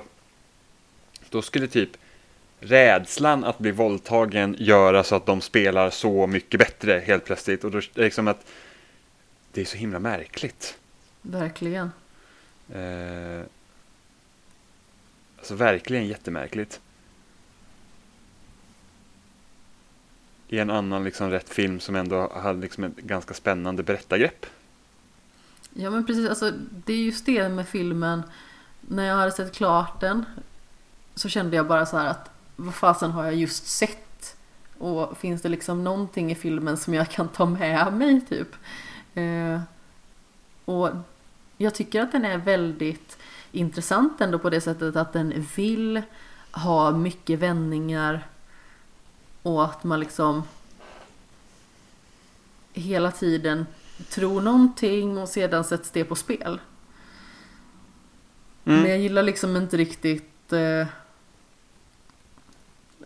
vart den tog mig för någonstans i slutändan. Nej, nej men det är liksom bara jättekonstigt. Men återigen, hämnden köper jag, men det är liksom själva våldtäktsgrejen. Men då hade du kunnat göra eh, samma film utan våldtäktsgrejen. Det är bara så att åh vad vidrigt det är och så ska de liksom, alltså Nej men precis, psykologisk terror. Ja, precis. Det hade liksom kunnat vara vad som helst annat och inte sånt som... Alltså, nej, det är bara onödigt känner jag. Verkligen. Nej, som sagt, det, det var också en sån film som jag tyckte var så extremt svår att betygsätta. Alltså, nu sätter inte jag betyg i något liksom högre syfte på något vis, utan jag gör det ju för mig själv på Letterboxd för att jag tycker det är kul. Men Mm. jag kände verkligen så här att jag vet inte vad jag tycker, ärligt talat. Eh, men jag satte liksom två och en halv av fem slutligen. Mm. För att jag kände att ja, men, den är någonstans mitt emellan. Den har bra idéer men den har eh, tveksamt utförande. Mm. Ja, men jätte, jättemärkligt verkligen. Ja, supermärkligt. Helt klart. Men vi har ingenting att tillägga om det antar jag. Nej, alltså det... Alltså fortfarande så att tycker man att det låter spännande så visst, kolla på det. Men det, det här är inte heller liksom någon sån här film jag skulle rekommendera. Nej, alltså precis som du sa liksom. Den är kort, den är bara 1.30 av ditt liv liksom. Så känner du att du vill se den så hej, kör i vind. Men jag skulle inte heller bara säga, men du, den här filmen tror jag att du skulle vilja se. Mm, nej men precis. Det finns ganska så många bättre filmer, alltså i synnerhet om hämnd. Ja, gud ja. Jag menar Tarantino är ju jättebra på hämndhistorier till exempel. Mm. Och jag tror att det är lite Tarantino de har försökt efterapa med hur det började balla ur i slutet med eh, knivar och eh, jag tror att det är någon yxa involverad också om inte jag missminner mig. Mm. Att det liksom köttas till och eh, spårar fullkomligt på den biten. Ehm, Men det går ju liksom inte riktigt hem. Det är väldigt svårt att eh, dra Tarantino-tricket om man inte är Tarantino själv. Jo. Dock så gillar jag typ symboliken i slutet med liksom att de här två har typ delat en gemensam upplevelse och de blir liksom en del av varandra. För att hon, den ena Ja. tjejen förlorade ju handen och den andra förlorade armen. Mm. Så att de kunde spela tillsammans genom att använda då olika, liksom att den, men alltså det är liksom så att, ja det, jag kan ju förstå det, liksom hur de har valt att porträttera det, men samtidigt så, den här våldtäktsgrejen, den liksom tycker jag svärtar ner filmen för att det, det känns lite så här att, det känns nästan lite så här, vad ska man säga, det blir, det blir, um, Eh, som ofta brukar bemärkas i den här filmen att liksom det blir en lite så här um, voyeuristiskt. Liksom att, att, att, att våldet blir liksom för... Alltså man vältrar sig i det på ett sätt som man inte bör nästan. Jag förstår vad du menar. Eh, och det kan vara problematiskt. Ja, definitivt. För att det, det, liksom, det, det hade inte behövts. Alltså du hade kunnat göra samma film med en annan, liksom, du hade inte behövt ha det begreppet. Liksom bara att åh, de här människorna är liksom supervidriga. Alltså bara, ja, ja, men det det, är räcker någonstans där. ja precis. Men precis som jag sa tidigare, det känns som att ofta så tar skapare till liksom det här övergreppskortet på något vis när eh, det Mm. gäller kvinnor. Ja men det är att Game of Thrones liksom när de hade liksom våldtäktsscener på Sansa. Liksom som Ja. inte, det har inte hänt i böckerna. Eh, de hade våldtäktsscen mellan Jamie och Cersei vilket inte hände i böckerna. Eh, Nej, så liksom det är så att åh, vi måste liksom typ chocka här. Så det, det är lite synd. Ja, och då är ju ändå Game of Thrones till exempel, det är en serie som chockar på många andra sätt så det känns ju som sådana grejer behövs absolut inte. Nej men sen är det så här att, ja men speciellt liksom sådana scener där det liksom inte var så. Nej. Det är där det blir så himla konstigt. Det är liksom bara så att, alltså den scenen mellan Jamie och Cersei, liksom när Joffrey har dött, den är liksom, i boken är den kärleksfull. Ja, Och i, i tv-serien är den liksom vidrig, så man liksom bara, varför tog man det valet där? Vad, vad är det liksom, vad är det, vad ska vi få ut av Jamie där? Med tanke på att, vi har börjat gilla honom. ja men precis, han har liksom gått igenom en, liksom en, en ändring redan där, när han liksom rest med Brienne och förlorat sin hand och allt det där. Och sen så liksom, jag, jag kan inte förstå den, undrar vad tankegången var där att göra det så istället. Var det liksom att, ska vi påminnas om att han är vidrig eller liksom är det, har de någon så här fascination för att typ stick it to Cersei eller vad är det liksom? Jag vet inte riktigt. Ja, det är lite besynnerligt får man ju lugnt Jätte- säga. Jättemärkligt. Men eh, vi började ju faktiskt att prata om spanska. Och att det skulle liksom vara någonting som skulle återkomma i eh, det här avsnittet. Mm. Eh, Tidigare i somras så gjorde vi två hela avsnitt som eh, i slutet fokuserade på La Casa de Papel. Och eh, nu har ju den fjärde säsongen släppts så den tänkte vi orda om, eller hur? Mm. Ja.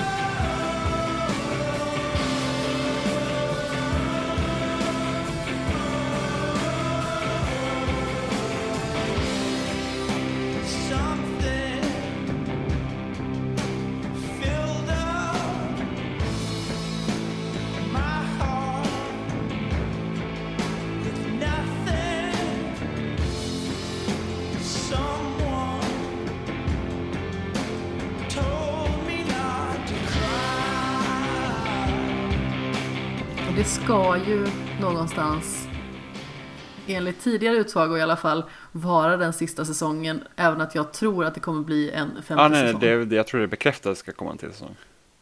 Ja, Semi, vad jag har Ja, förstått. men alltså det, den, den serien är inte Lösa slut. rykten. Men serien är inte slut. Den slutade inte. Nej, jag diskuterade det här med min kära far och han säger ju liksom att han tyckte det var ett bra slut.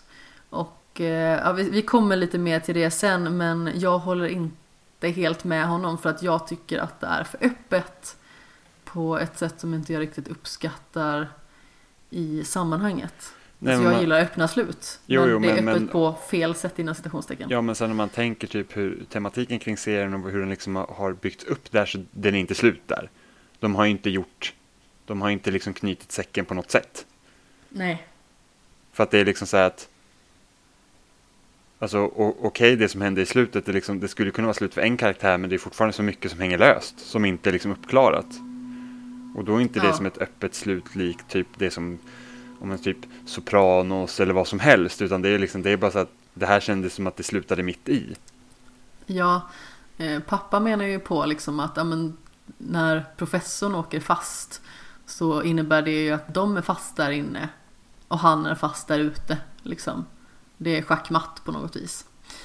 Eh, medan jag personligen liksom tycker att det finns fortfarande saker som kan hända för att professorn är så pass listig. Ja, ja, men precis. Det finns ju må- alltså, det är inte bara professorn som är där ute. Nej, och dessutom sen ingen vet, och, och polisen som kommer dit, ingen vet att hon är där. Hon har ju gått Exakt. rogue för att hon är ju efterlyst hon också. Så att det är ju liksom ingen slut. Vem är hon fast? Alltså vem har hon blivit tagen av? Ja men precis. Det är ju typ en det var lite brottsling det mot jag- en annan liksom. Egentligen. Ja, det var lite det jag tänkte på också liksom, för hon har ju blivit någon form av eh, polisskurk på något vis, för att hon har gått från någon form av eh, vedervärdig förhörsledare till att eh, då ska ställas inför rätta. Mm. Ja, för att hon får, ju, hon får skulden för de liksom brott som regeringen har gjort när de ska liksom ta Mm. fast eh, krigsfångar och sådana grejer. Ja men exakt. Och sedan så eh, flyr hon fältet och då känner man liksom så här, vem är det hon tar fast honom åt? Är det sig själv?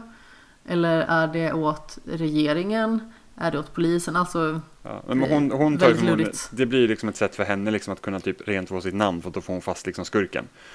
Eh, men, men liksom hon är inte där på uppdrag av någon annan än sig själv just nu.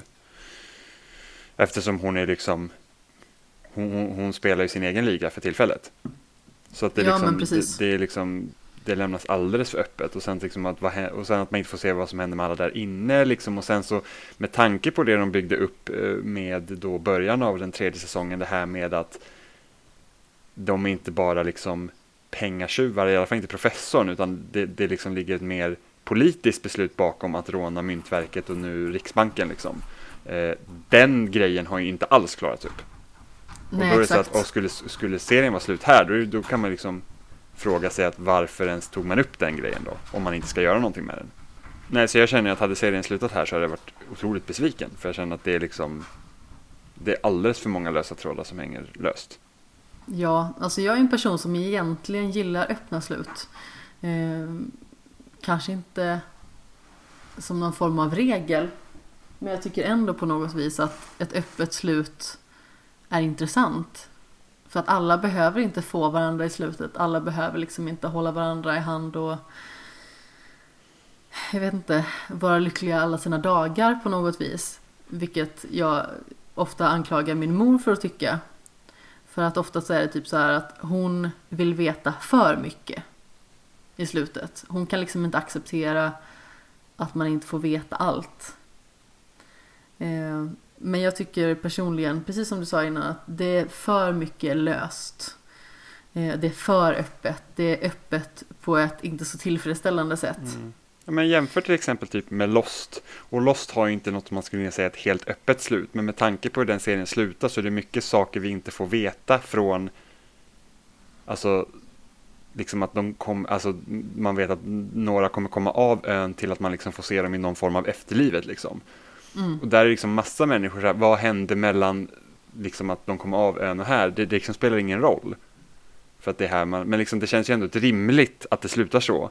Medan till exempel i Casa de Papel nu hade varit slut nu till exempel. Säg att professorn typ hade fått ut de som är inne på Riksbanken och sen så stormar polisen in liksom i hans hideout och sen tar fast honom och det sluta där. Då är det så här, okej, de andra kom ut om de klarar sig Han efter. åkte fast. Precis, och han åkte fast. Och sen så klarar de sig hela tiden. Nej, kanske inte, men det spelar ingen roll. Men då är det i alla fall liksom, då har man knutit säcken på något visst sätt. Och vi kan liksom bara anta att nej, men nu är han fast. Men han lyckas få ut det och han har gjort liksom en poäng av den här grejen.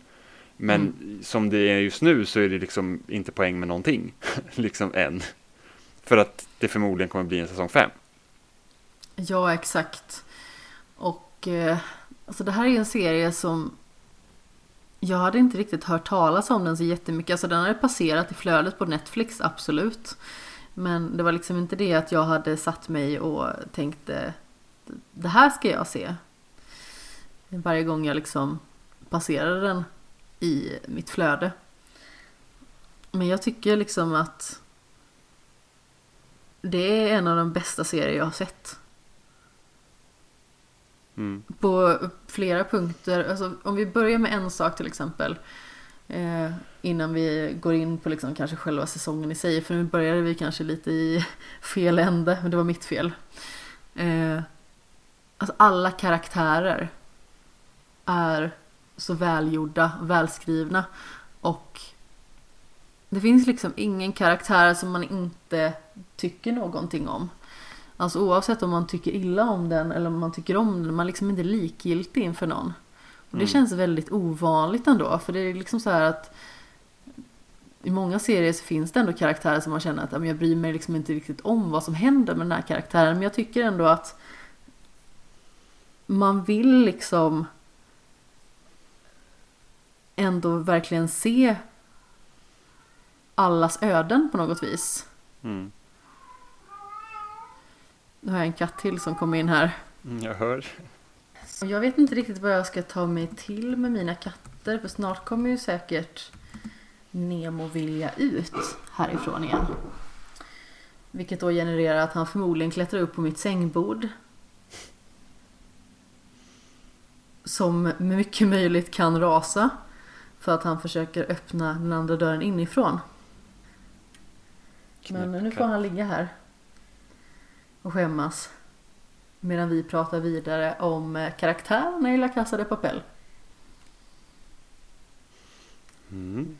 Men det känns ju ändå som att de karaktärerna i tidigare säsong som någonstans inte har varit lika betydelsefulla. De har ju ändå varit betydelsefulla.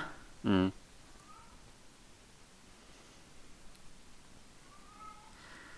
Och de som liksom har trillat av pinn, det har ju ändå varit så här känslosamma scener. Sen har vi haft Berlin till exempel. Eh, som är en ganska obehaglig karaktär till syvende och sist. En karaktär som föraktar kvinnor, har psykopatiska tendenser, är oerhört narcissistisk och liksom allmänt skräckinjagande egentligen. Jag tycker det är Det- lite synd att han har hela den här våldtäkts eh, liksom, vinkeln han också. Återigen, det är en sån onödig grej att bara kasta in för saks skull för att han är liksom tillräckligt Ja, men det, det är också, antagonistisk eller vad man ska säga. ja, men det är så himla ändå. svårt också liksom att få ha sympatier då för den karaktären. Så att, ja, men då, då är det professorns bror och så ska professorn bry sig om honom, men hans bror är ett jävla vider. Så liksom varför har han liksom ens Alltså hur, hur kan liksom ens tillåta att det ska liksom pågå mitt under hans operation till exempel? Det är liksom så himla märkligt. För att det är liksom, jag gillar egentligen Berlin som karaktär om man bortser från den grejen, men jag tycker att det är så himla onödigt för att det hade inte behövts. Han hade bara kunnat vara narcissistiskt ett jävla ego och sen bete sig svinigt, men han behöver liksom inte typ ta någon jävla liksom sexslav liksom i första och andra säsongen där. Det blir bara så här, det är helt orimligt. Ja, verkligen. Jag håller ju med dig fullt ut för att det är någonting med Berlin som man kan liksom inte riktigt låta bli och gilla det. Även att han är ett as. Ja, Det är lite som Moriarty egentligen. Han är ju också liksom ett vider och obehaglig och skadar väldigt många människor. Men man kan liksom inte låta bli att tycka om honom i alla fall i sin skurkaktighet. Åh, jag tycker inte alls om honom. Du gör inte det? Nej usch, jag, jag, jag, jag har- tycker inte om Moriarty. Jag blir bara säga så fort han kommer med, har varit med i Sherlock kan jag säga uh. Jaha. Mm. Jag tycker att eh, Andrew Scott eh, gör en eh, fantastisk skådespelarinsats. Ja, ja, han, han är jättebra så, men jag tycker inte om karaktären. Nähä.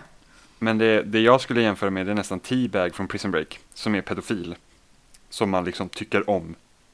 Jag har inte sett Prison Break eh, så pass mycket så att jag kan eh, hålla med det eller inte. Man kan se de två första säsongerna och sen så låtsas man att 3, 4 och det efterföljande inte finns.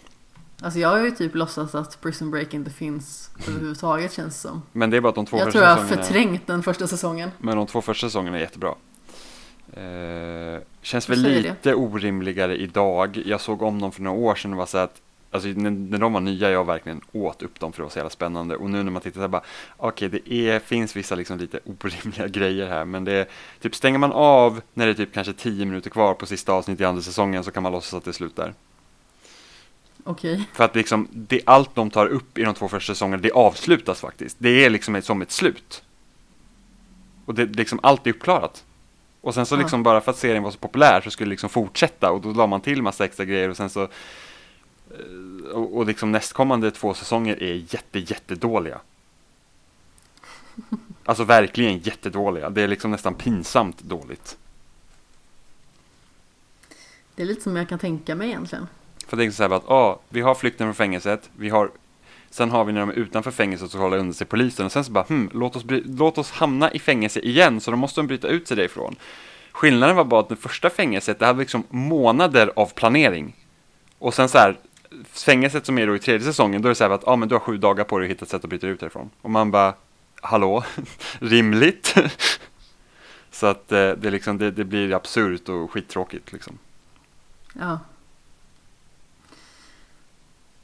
Jag vet inte, jag har nog inte någon jättebra jämförelse ytterligare i eh, relation till Berlin där, men eh, jag tycker hur som helst att det är en karaktär som man kan liksom inte låta bli att gilla honom lite grann även att han är ett as på något vis. Eh, och det är nog mycket därför liksom som han har fått vara med de senaste två säsongerna. Åh, absolut. Säsongerna. Jag är ju glad att han fick med. Säsongerna! Herregud, jag kan inte prata ordentligt verkar det som. Men jag är ju Eh. glad att han är med. Det är liksom för att jag tycker om den karaktären förutom den lilla grejen. Men det är bara att de, den är inte med. Alltså det sviniga beteendet som han har i säsong 1 och 2 när, man liksom, när han är i liv, så att säga. Mm. Den finns ju inte kvar när, i, i säsong 3 och 4 för man får inte se någonting av det. Nej men precis, han är ju ett svin men han är inte ett lika uppenbart svin. Precis, han, liksom, han, han, liksom, han är inte ett brottsligt svin på det sättet. Nej, Han är inget det är äckel. liksom mer på ett eh, personligt plan skulle man väl kunna säga. Ja, Eh, för då är det ju så att i början av förra säsongen så får man ju liksom se att professorn och Berlin, som då är bröder, vilket vi säkert har nämnt 17 gånger tidigare, men de har ju liksom smidit andra planer innan den här planen som går av stapeln i första och andra säsongen eh, sker. Och då är det liksom planer som de har smidit i Italien, vilket också liksom är en gammal plan från deras pappa. mm. Och de får liksom inte riktigt den planen att fungera och det är därför de överger det- ger den då i mångt och mycket. Men det är också den som då i förra säsongen, alltså säsong tre, då blir till igen, väcks till liv och fullbordas på något vis. Mm. Och där kommer ju hela den här liksom, det är nästan klasskamp liksom, som kommer in liksom, som blir det viktiga i det hela. Liksom att störta regeringen, liksom se till att liksom, det inte är en liten del människor ska sitta på alla pengar. För det är väl lite det professorn slåss mot liksom. Ja, exakt. Alltså man har ju väldigt mycket genom serien fått höra det här med motståndsrörelsen liksom. Mm. Jag vet inte exakt hur det uttalas med La Resistentia eller någonting sånt. Mm. Eh, och det är ju därför de anammar den här låten Bella Ciao då. Som eh, initialt är en motståndsrörelselåt som används i krig. Mm. Det här är liksom deras personliga krig då som de för. Men egentligen är det bara professorn som har det för att de andra rånarna bryr sig inte. De har inte, det är inte deras mål. Nej, de har ju inte samma motivation som han har. De har ju bara pengarna. Ja, Och precis. som jag har förstått det så han bryr sig inte om pengar överhuvudtaget. Egentligen. Nej, utan han försöker liksom skapa exempel. Ja,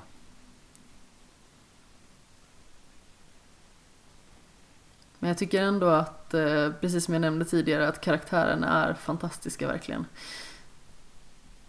Och de flesta bryr man ju sig om. Det finns ju vissa som eh, man kan eh, bli tokig på, såklart. Men det är ju precis som jag sa tidigare också att det finns karaktärer som man älskar, det finns karaktärer som man hatar, det finns inte så mycket mellanland.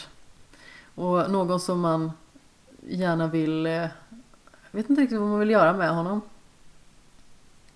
Någonting smärtsamt i alla fall. Det är ju Arturito! ja men alltså, det, det, alltså det, den karaktären är ens överhuvudtaget så konstig att han ens är med fortfarande.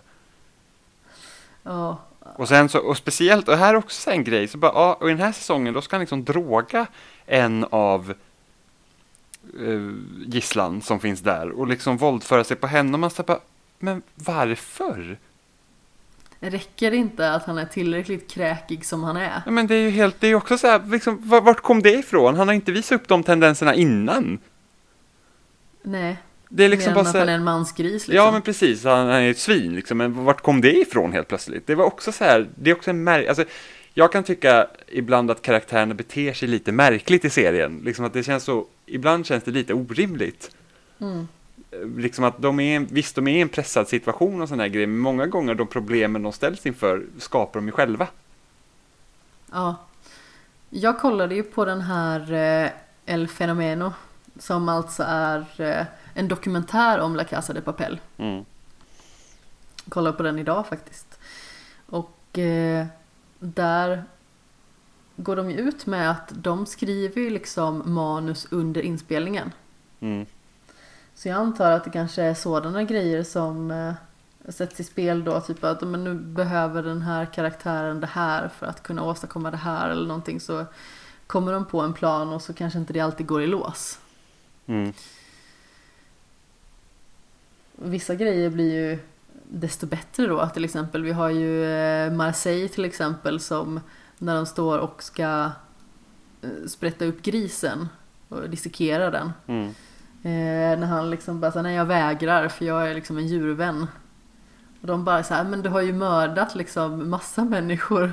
Ja men jag kan inte röra ett djur på det här sättet. Mm. Och liksom sådana grejer bara för att de behöver ha någonting mer. Och just den scenen är ganska, den är ganska komisk. Eh, därav.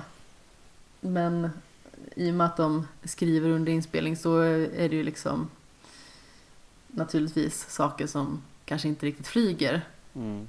Men Å det, andra det, sidan, det kan det ju vara i helt föreskrivna serier också. Jag tycker att det är bra att man inte gör sig omöjlig och att allting måste vara till punkt och pricka. För att eh, det blir lite mer explosivt då. Alltså det blir lite mer händelserikt och intressant när det finns utrymme för att eh, göra om. Byta ut. Mm. Men, men en sån grej, liksom, man inte vill hugga grisen, det är ändå liksom, det är ändå en rimlig, kan vara en rimlig grej. Jag, jag tycker mer de interna stridigheterna de har mitt i allt som, som blir så himla märkliga. Att de börjar bråka med varandra. Ja, för det sätter ju käppar i hjulet för dem konstant och liksom ingen pratar med varandra utan de bara liksom, det, det är typ vilda västern där inne och man säger bara hur, hur har de ens kunnat liksom lyckas genomföra någonting när de har så lätt att bråka med varandra? Det är Ja. liksom, och det, det känns lite som att de vill skapa spänning för spänningens skull. Ja, kanske. Men det är ju ändå så att det professorn har gjort här, han har ju liksom inte satt ihop en grupp med före detta vänner som känner till varandras styrkor och svagheter utan han har ju liksom satt ihop någon form av supergrupp med eh, massa svårkontrollerade i vissa fall eh, vad ska man säga? Galenpannor helt Mm. enkelt.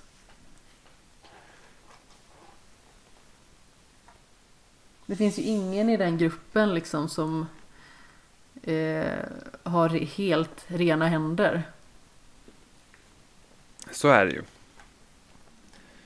Och det är väl därför som de kanske hamnar i luven lite grann på varandra. I och med att de flesta är ganska hetlevrade. Jo, man kan hamna vid luven på varandra men sen behöver man liksom inte agera som ett alltså, total galning. Det är liksom Tänker du på någon speciell? Äh, men alltså, jag, vet, jag vet inte, hela grejen med typ med Palermo där när han liksom säger typ att han låtsas då att han liksom ska sälja ut alla och det förstår man ju som tittare på att det kommer han ju inte göra. Det är förmodligen någon bakom hans plan. Liksom så fångar de varandra och typ sett, liksom det är liksom det är, helt, det är helt galet. Det var samma sak de två första säsongerna. Där var det ju också samma grejer, liksom att det var någon åkte fast där för att den inte kunde hålla sig. Det var Berlin den gången som liksom sattes ur spel. Liksom.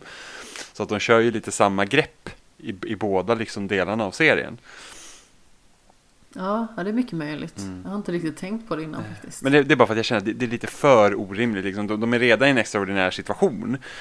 Så att liksom, vissa grejer får man ju bara köpa. Men det är liksom så att många av de andra liksom, hinder som de stött på är ju mycket mer roligare när det är vad polisen gör mot dem. Eller liksom att det här, okej okay, nu agerar polisen så här, det här har inte vi tänkt på här. Sen kan det ju hända stridigheter innanför också, liksom att säga att, säga att karaktärerna de är här inne liksom i, i Riksbanken eller någonting sånt och sen går någonting fel så de inte kan följa planen punkt och pricka och sen kan det bli stridigheter med varandra om en tycker att man ska göra si och den andra tycker så. Sådana konflikter känns ju rimliga men sen liksom att det blir helt liksom galet är ju liksom helt som att var det inte i tredje, alltså i tredje säsongen, alltså den förra när, när Tokyo skickades inte hon ut ur Riksbanken och sen så byggs, fixar de någon plan för att få in henne igen och man var så här, men alltså vad är detta?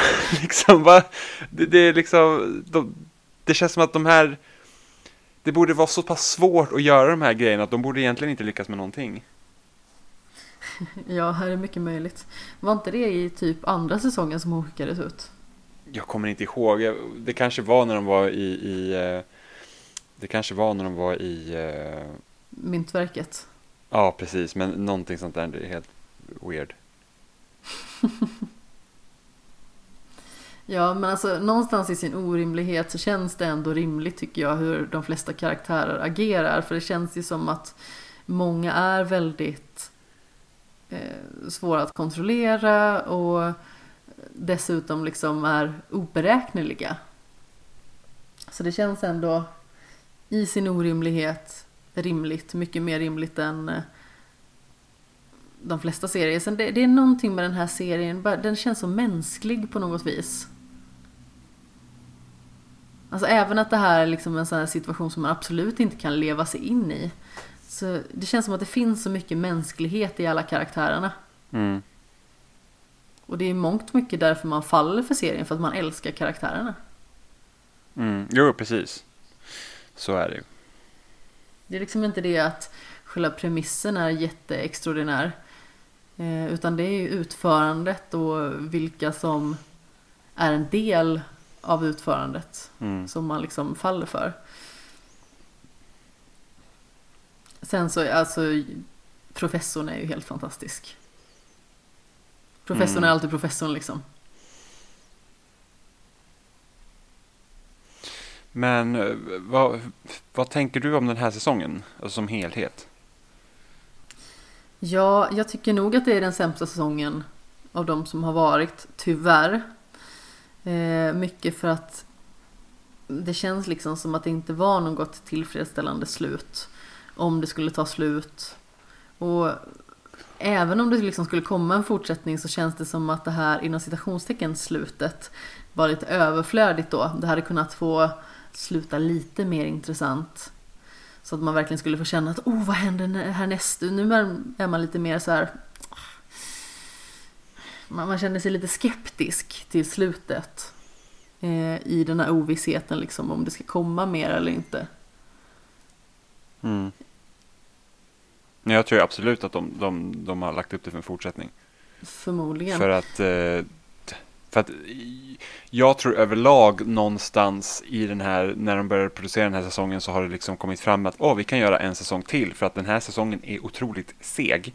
Alltså den, den är liksom mer långdragen än någon annan säsong. För att Myntverket var på två säsonger hela den flykten och sen tycker jag att säsong tre, där gick det också väldigt rappt undan. Liksom ja. att, att, att, att, det liksom fanns ett tempo och här så liksom den här eh, polissnubben som är i Riksbanken som de fångar och sen släpper lös som blir typ antagonist liksom där inne. Ja, Det håller ju på i så många avsnitt. Det är liksom så att det är typ fyra avsnitt där han liksom är liksom på språng. Och man säger, men Ja. alltså kan de inte bara ge sig? För det, var- det var typ det absolut mest ointressanta den här säsongen. Det var han som jag inte kommer ihåg vad han heter längre. Det liksom var helt, liksom helt galet. Så hade de typ tre shootouts där inne med honom. Som var liksom var så här OK. ja, vad var det han hette nu igen? Granja tror jag han hette. Ja, något sånt där. han är det är liksom, säkerhetsansvarig på Riksbanken. och det liksom och blev eh, ju... en väldigt tråkig skurk. Där är det också Otroligt så att tråkig. han är liksom inte så intressant i sig själv. Eh, För att skulle det vara en skurk som man verkligen känner att Alltså Att det finns någonting där och antingen hata eller älska liksom. Då hade det ju ändå blivit spännande. Men nu känns det som att de försöker för mycket med honom. Men han blir inte intressant utan han blir mest störande. Ja, han är jättestörig. Det känns som att han är mer i vägen liksom för progressionen i serien. Ja, för liksom det hände väldigt lite den här säsongen om man jämför med de andra. Ja. Och framförallt så är det ju väldigt sorgligt att eh, eh, Nairobi skulle gå ett sånt eh, tråkigt öde till mötes. Eh, jag har inget problem med att karaktärer dör i serier. Men eh, det känns ju som att den döden hade kunnat få vara på någon annan än eh, på grund av honom. Ja, och sen var det lite tråkigt att hon nästan dog i slutet av förra säsongen och sen så liksom ska hon typ dö igen. Ja, jag var ju ganska så säker på att hon skulle dö i och med att hon höll nästan på att dö, sen höll hon nästan på att dö igen och sedan kändes det liksom som att de lite granna försökte få en att vaggas in i någon falsk säkerhet liksom att ja, men hon klarar sig alltid Mm. och sedan så får hon en eh, kula mellan ögonen i stort sett. Mm. Och jag tycker det är väldigt synd, alltså det är väldigt starkt också när man får se det i den här eh... Herregud, jag har tappat ordet totalt i den här dokumentären. Så får man liksom se när hon ska göra sitt sista framträdande i serien. Eh, och det är väldigt känslosamt. Och hon är också en karaktär som man tycker väldigt mycket om. Mm. Hon har ju gjort ett fantastiskt jobb med den karaktären, tycker jag i alla fall. Jag tycker att hon skådespelar toppen, verkligen. Ja, hon, hon har varit min favorit. Ja, Tycker hon är jättebra jag håller med. Eh, men det är väldigt roligt att se den dokumentären i allmänhet. Så vill man ha mer La Casa de Papel så borde man definitivt se den. För där får man se väldigt mycket intressanta saker. Eh, precis som vi nämnde här så tror vi ju att det kommer bli en femte säsong.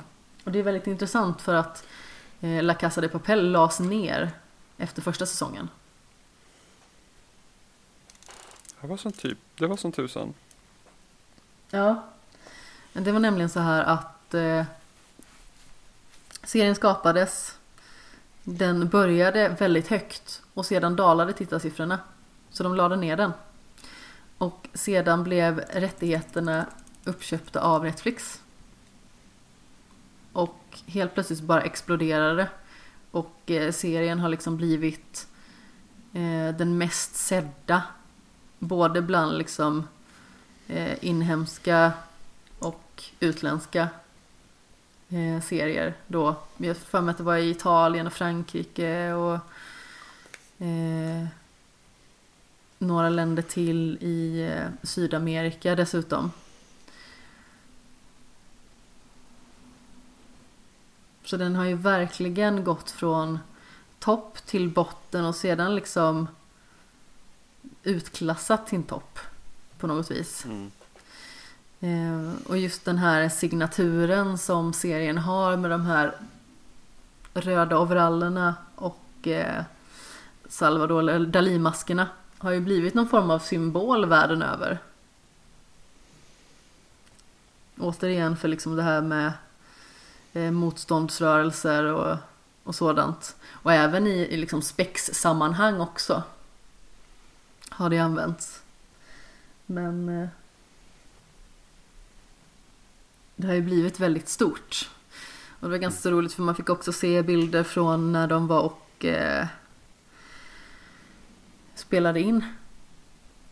Och då var det ju professorn och Berlin som var i fokus. Jag för mig att det var när de var i Rom. Och då... Eh, nej, Rom. Jag är ute och cyklar nu. Hur som haver, de är i Italien i alla fall.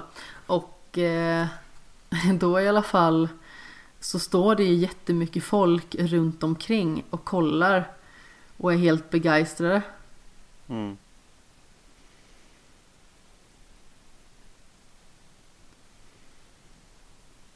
Milano är det nog de är i förresten. Ja, så är mycket Stämmer med. det?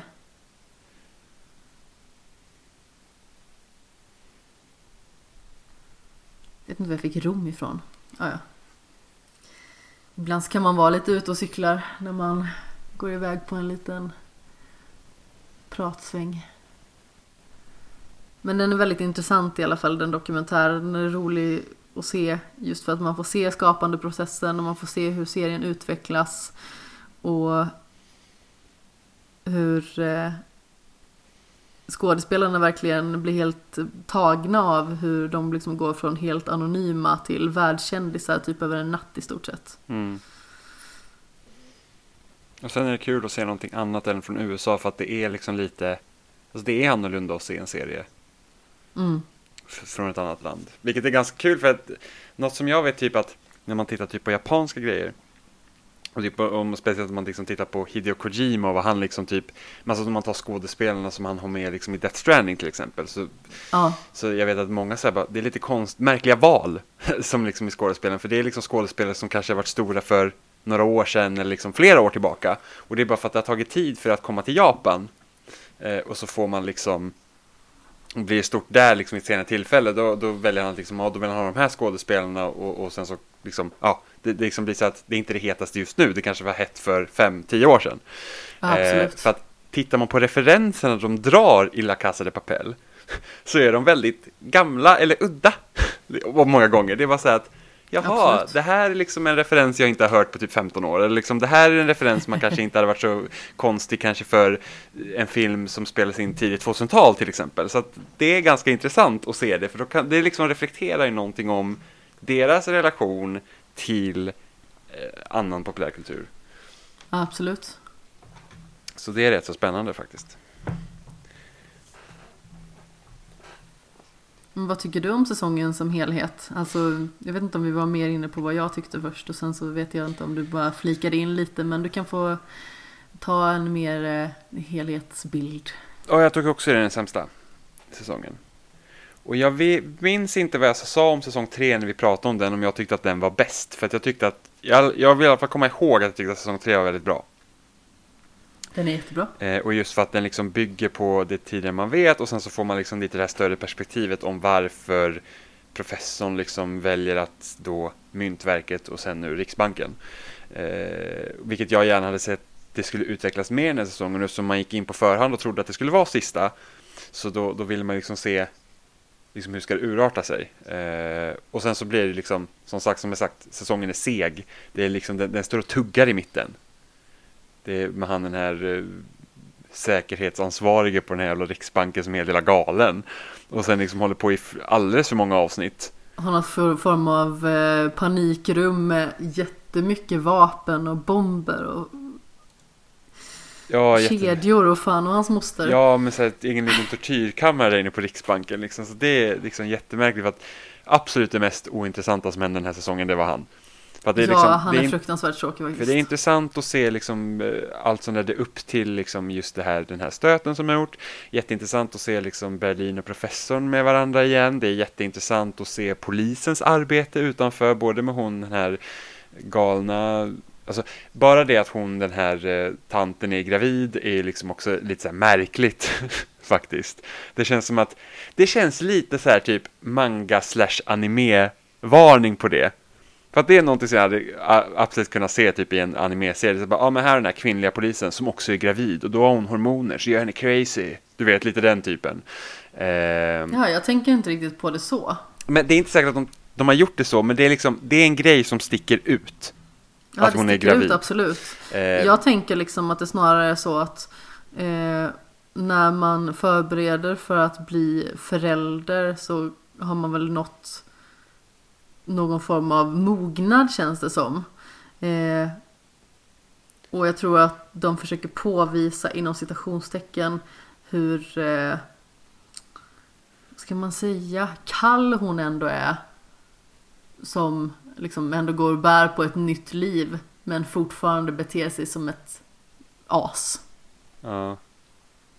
Nu kanske jag är helt ute och cyklar med min teori men jag funderade lite på det tidigare också. Det känns ändå som att det är någonstans vad jag landar i Mm. personligen. Eh, sen känner jag så här att just den här säsongen, eh, precis som vi var inne och tassade på lite grann tidigare, den avslutas ju väldigt öppet. Och eh, vill de göra en säsong 5 så kan de absolut göra en säsong 5. Men jag tycker ju att om det skulle vara en öppen avslutning så skulle säsong 3 ha gjort sig väldigt mycket bättre. För den avslutas ju väldigt hårt. Mm. Vi har Nairobi som kämpar för sitt liv. Vi har professorn som tror att Raquel har bragt om livet. Och vi har Raquel som är på väg ifrån eh, den platsen där hon har tillfångatagits. Mm. Också medveten om att professorn tror att hon är död. Mm.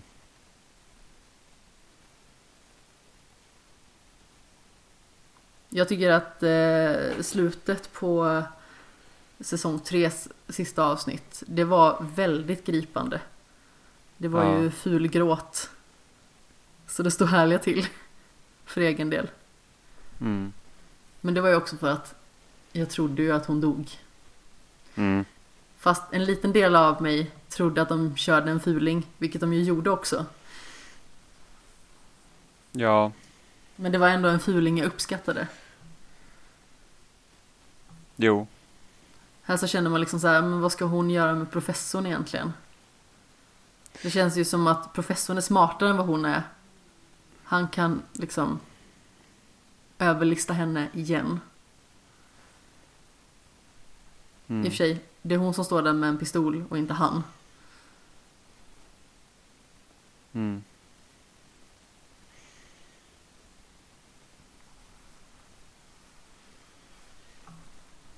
Jag undrar verkligen vad de ska ta en femte säsong om en sådan kommer.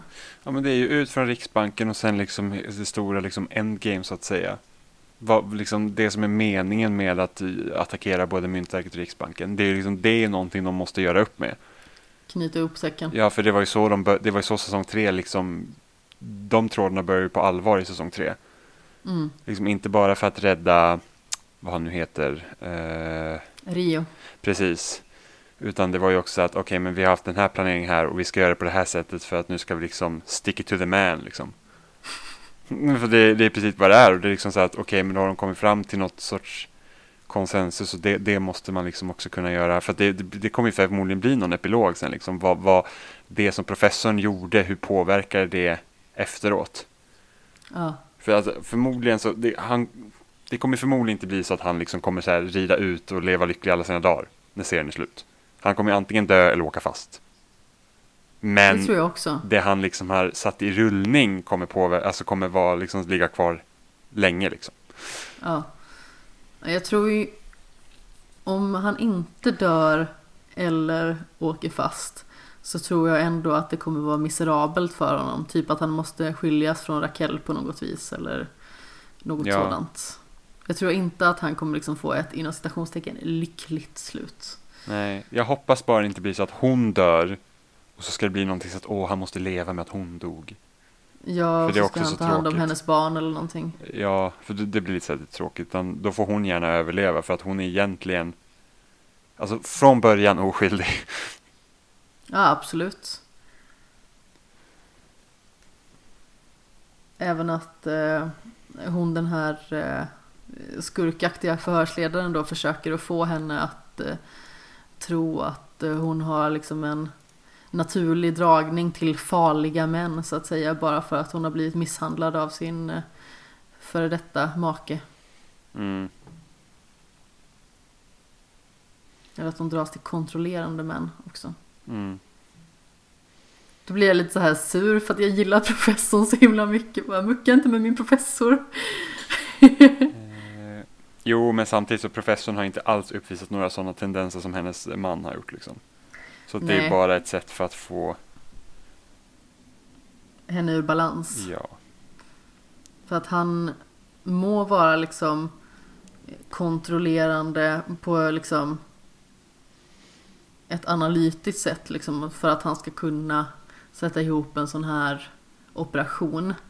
Men han är ju ingen skurk, han är ju ingen monster. Nej, men precis. Man tycker ju om och känner med honom och hans fumlighet liksom. Mm. Och framförallt liksom hur han har sina variationer. Alltså, dels så har vi den här fumligheten, det här eh, peta upp glasögonen på näsan, kolla lite ner i marken, eh, skrapa lite med foten grejen. Och sen så när han är liksom själva professorn i sig och lär ut, då är han ju liksom i sitt esse på något vis. Han är liksom hjärnan, han har koll. Han vet exakt hur eh, liksom, varje pjäs ska flyttas. Mm. Nej, oh, jag gillar honom riktigt skarpt. Eh, skådespelaren gör ett fantastiskt jobb också Mm. med den porträtteringen. Fast alla skådespelare i den här serien gör ett jättebra jobb. Mm, verkligen. Jag, jag kan liksom inte säga att någon av dem är så här, ja men den här passar absolut inte in. Sen så Nej, finns precis. det ju karaktärer man kanske inte tycker om så mycket. Jag har ju jättesvårt för Tokyo till exempel, som på något sätt ska vara huvudkaraktären Mm. i serien. Ja, nej, hon är, hon är en märklig karaktär. Ja. Jag har hört eh, från andra håll liksom att det är någon form av hatkärlek till henne för att hon är eh, så oberäknelig. Men också liksom gör sådana galna saker. Eh, så att man tycker om henne ändå. Och att hon kanske är lite självcentrerad. Men att hon alltid skulle göra vad som helst för gruppen. Men jag tycker att hon är jobbig för att hon är så extremt egocentrerad. Tycker jag i alla fall. Jag tycker att hon är jättesjälvcentrerad. När hon inte får som hon vill, då sätter hon sig på tvären. Mm.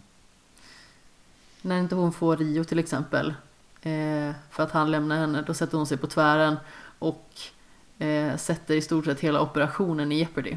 Mm. Eh, och samma sak med eh, Denver. Att hon börjar limma på honom och liksom riskerar att förstöra väldigt mycket där också. Mm. Hon är liksom jobbig. Jag har jättesvårt för henne. Sen är jag en person som föredrar liksom det kontrollerade och planerade före det oberäkneliga och spontana. Eh, så det är kanske därför jag dras till den typen av karaktärer också. Mm. Men eh, jag tycker inte riktigt om henne så jättemycket. Men återigen, det är ändå så här att det är ingen karaktär som jag bara känner att ja, men den här karaktären hade man kunnat ta bort hur som helst. För det går ju inte. Nej.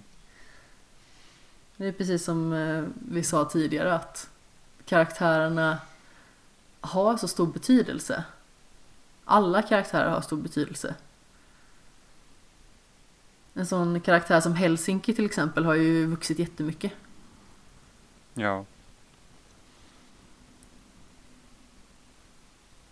Och sen även lite mer mot slutet av den här säsongen så får man ändå någon form av sympati för Palermo. För att Palermo är en karaktär som han går lite fram och tillbaka. Sådär. Ibland så blir man tokig på honom. Men eh, hans kärlek till Berlin ändå. Och att de därför måste avbryta planeringen för eh, att bryta sig in på Riksbanken. Eh, bara för att Palermo skulle göra vad som helst för Berlin. Och att det skulle liksom riskera hela planen då. Mm. Eh, och det, det är liksom ändå väldigt starkt och, och sorgligt för att Palermo vill ju liksom inget hellre än att han och Berlin ska få vara tillsammans. Mm. Men Berlin älskar ju honom tillbaka men inte på samma sätt. Mm. Och när man liksom ser hur liksom förkrossad Palermo blir då ser man ju liksom in i hans mänsklighet vilket gör honom mer relaterbar och eh, lättare att tycka om. Mm. Tycker jag i alla fall. Jo, men precis. Det är liksom det är någonting de är ganska bra på att göra här. Det är det att de, de har liksom karaktärer som är ganska sviniga men det finns alltid någonting där att ta i. Ja. De flesta karaktärer har liksom både och. De har någonting som man liksom inte riktigt kan med. Men de besitter också djup mänsklighet. Och eh, det finns liksom saker att relatera till och hänga upp karaktärerna på. Mm.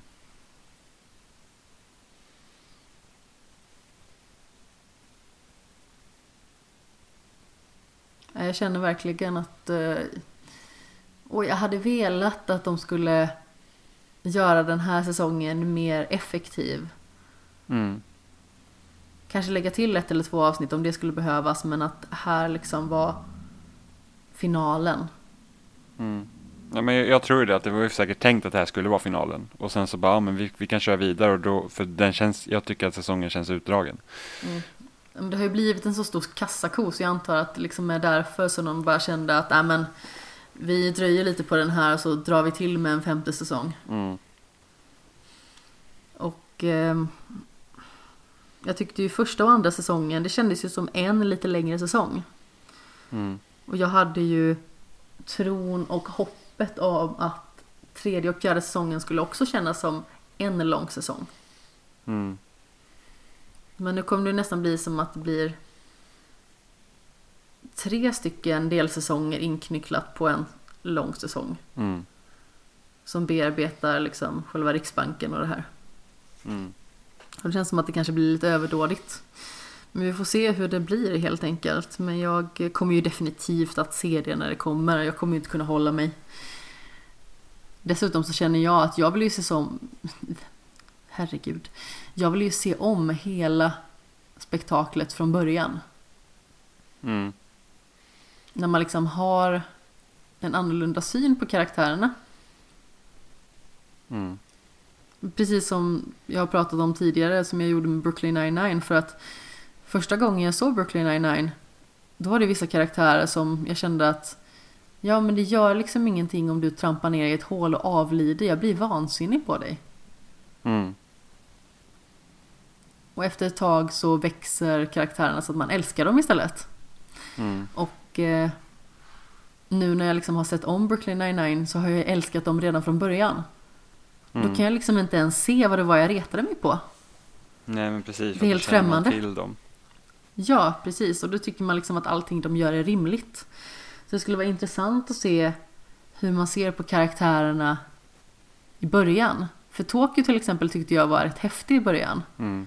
Men hon har liksom bara eh, växt mer och mer på min dödslista typ. Mm. Jag tycker hon är en fruktansvärd karaktär. Även att hon behövs. Det är inte det att hon är en karaktär som kan skrivas ut hur som helst. Men det är bara det att eh, jag tycker inte om henne. Nej hon är, hon är en av de jobbigaste där.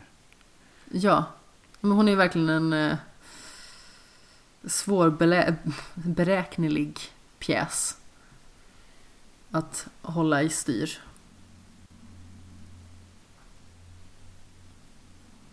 Verkligen. Har vi något mer att tillägga? Du hade inte sett den här eh, dokumentären om La Casa de Papel? Jag hann inte se klart den. Jag började kolla på den.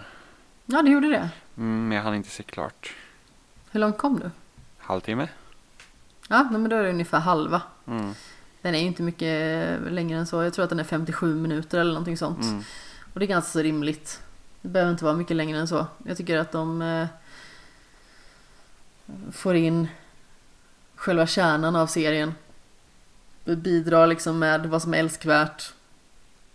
Och framförallt att Att man liksom får se hur eh, serien tog sådana vändningar Mm. utanför rutan. Verkligen. Det är ändå jätteroligt att höra. Eh, och det är ju som vi precis har pratat om tidigare i flera avsnitt, liksom det här med Netflix att de tar liksom serier och lyckas skapa succéer. Mm. Jag tycker att de är väldigt bra på det, att lyfta fram serier som inte bara är liksom eh, de vanliga amerikanska mängdserierna. Nej, och sen så tror jag också att det blir, så jag tror att i EU till exempel så vill man ju få fram att det måste vara Alltså ska du ha en streamingtjänst inom EU så måste också visst, eh, viss procent av materialet vara producerat här. Mm. Eh, jag vet inte om det har kommit lag, jag vet att det har varit för förslag. Vilket jag egentligen motsätter mig lite. Eh, på grund av att jag tycker inte att EU ska styra vilket material som ska finnas på plattformarna. Samtidigt är det bra att det kommer liksom material också från andra ställen än USA. Det är jättebra. Speciellt när de här stora streaming, alltså det är inte som att en svensk streamingtjänst kan tävla med Netflix eller HBO. Till exempel. Absolut inte. Eh, och, då, och vi måste ju ändå ha någon form av kultur härifrån också och från andra delar av världen. Så det är jättekul att vi liksom kan se saker som La Casa de Papel eller den här svenska serien som eh, kom tidigare förra året. Störst av allt. Precis, eller typ, eller ta den här norsk eller dansk-svenska serien Rain som är urdålig, men den, liksom, den Den existerar var ju. verkligen. Eh, så att det, det, det är liksom kul att sådana grejer också finns. Ja, det är ett väldigt brett spektrum av serier Ja, och filmer. Och jag tycker att det är väldigt imponerande att de får till ett sånt slående utbud. Även att det finns ju mycket skräp naturligtvis. det finns Men- jättemycket skräp. Som den eh, The Perfection, var inte den Netflix? Det kanske den var. Men sen vet man inte, alltså Netflix gör ju inte, alltså som La Casa de Papel, det är inte Netflix som producerat den, den köpte de upp. Och sen Ja, finansierar de den. Och det finns mycket, som till exempel Better Call Saul är ju liksom Netflix här. Men det är inte Netflix som gör den serien. Precis. Och samma med, jag tror, El Camino, undrar om den är Netflix. Jag vet inte, men det är i alla fall så att de köper ju upp grejer också. Så att det inte, de har egentligen ganska lite grejer som de faktiskt producerar helt själva. Det är väl Ja. typ, ja men jag vet ju att ehm, House of Cards var ju deras egna, eh, Orange is the new black var deras egna. Vet jag. jag vet inte om Stranger Things faktiskt är deras egna helt och hållet. Eller om det är något annat där, men det skulle också kunna vara en som är deras egna. Så det, det är lite, det är lite upp och ner. Jag har mig att Sex Education är Netflix original också. Mm. Men inte, den, inte i samarbete med BBC. Jag har ingen aning för att nu killgissar jag. Det är mycket med att den är samarbete med BBC. Eh, Ja, Det är ju inte orimligt. vi ska se. Mm, Smyggooglar du i bakgrunden nu. ja. Ack så hemlig. Mm. Nej, nej, den är faktiskt helt Netflix. Ja, den var det. Production Company 11 Film och sen står det Netflix här så det är förmodligen bara Netflix. Ja. Ja, det stämmer korrekt. Hurra. Men vad har vi mer att se fram emot då? För nu har vi ju Nu har vi ju avbockat, i alla fall för egen del, en väldigt liksom stor titel i seriesvängen att se fram emot. Vad har du liksom att se fram emot mer som vi kommer att eh, förmodligen ta upp i en hyfsat nära framtid? Mm, vi ska ju se Breaking Bad. Just det, det ska vi. Ja, Och sen så släpps ju Afterlife säsong 2. mm. Sista säsongen av Brooklyn 99. Sen, när, när Brooklyn Nine-Nine blir förnyat. Har den blivit det igen? Ja, det kommer fortsätta. Jaha. Japp, japp, japp. Jag tror att de fick ett... Senaste säsongen av Brooklyn 99 då. Ja, för jag tror att de fick ett väldigt stort uppsving när serien faktiskt lades ner.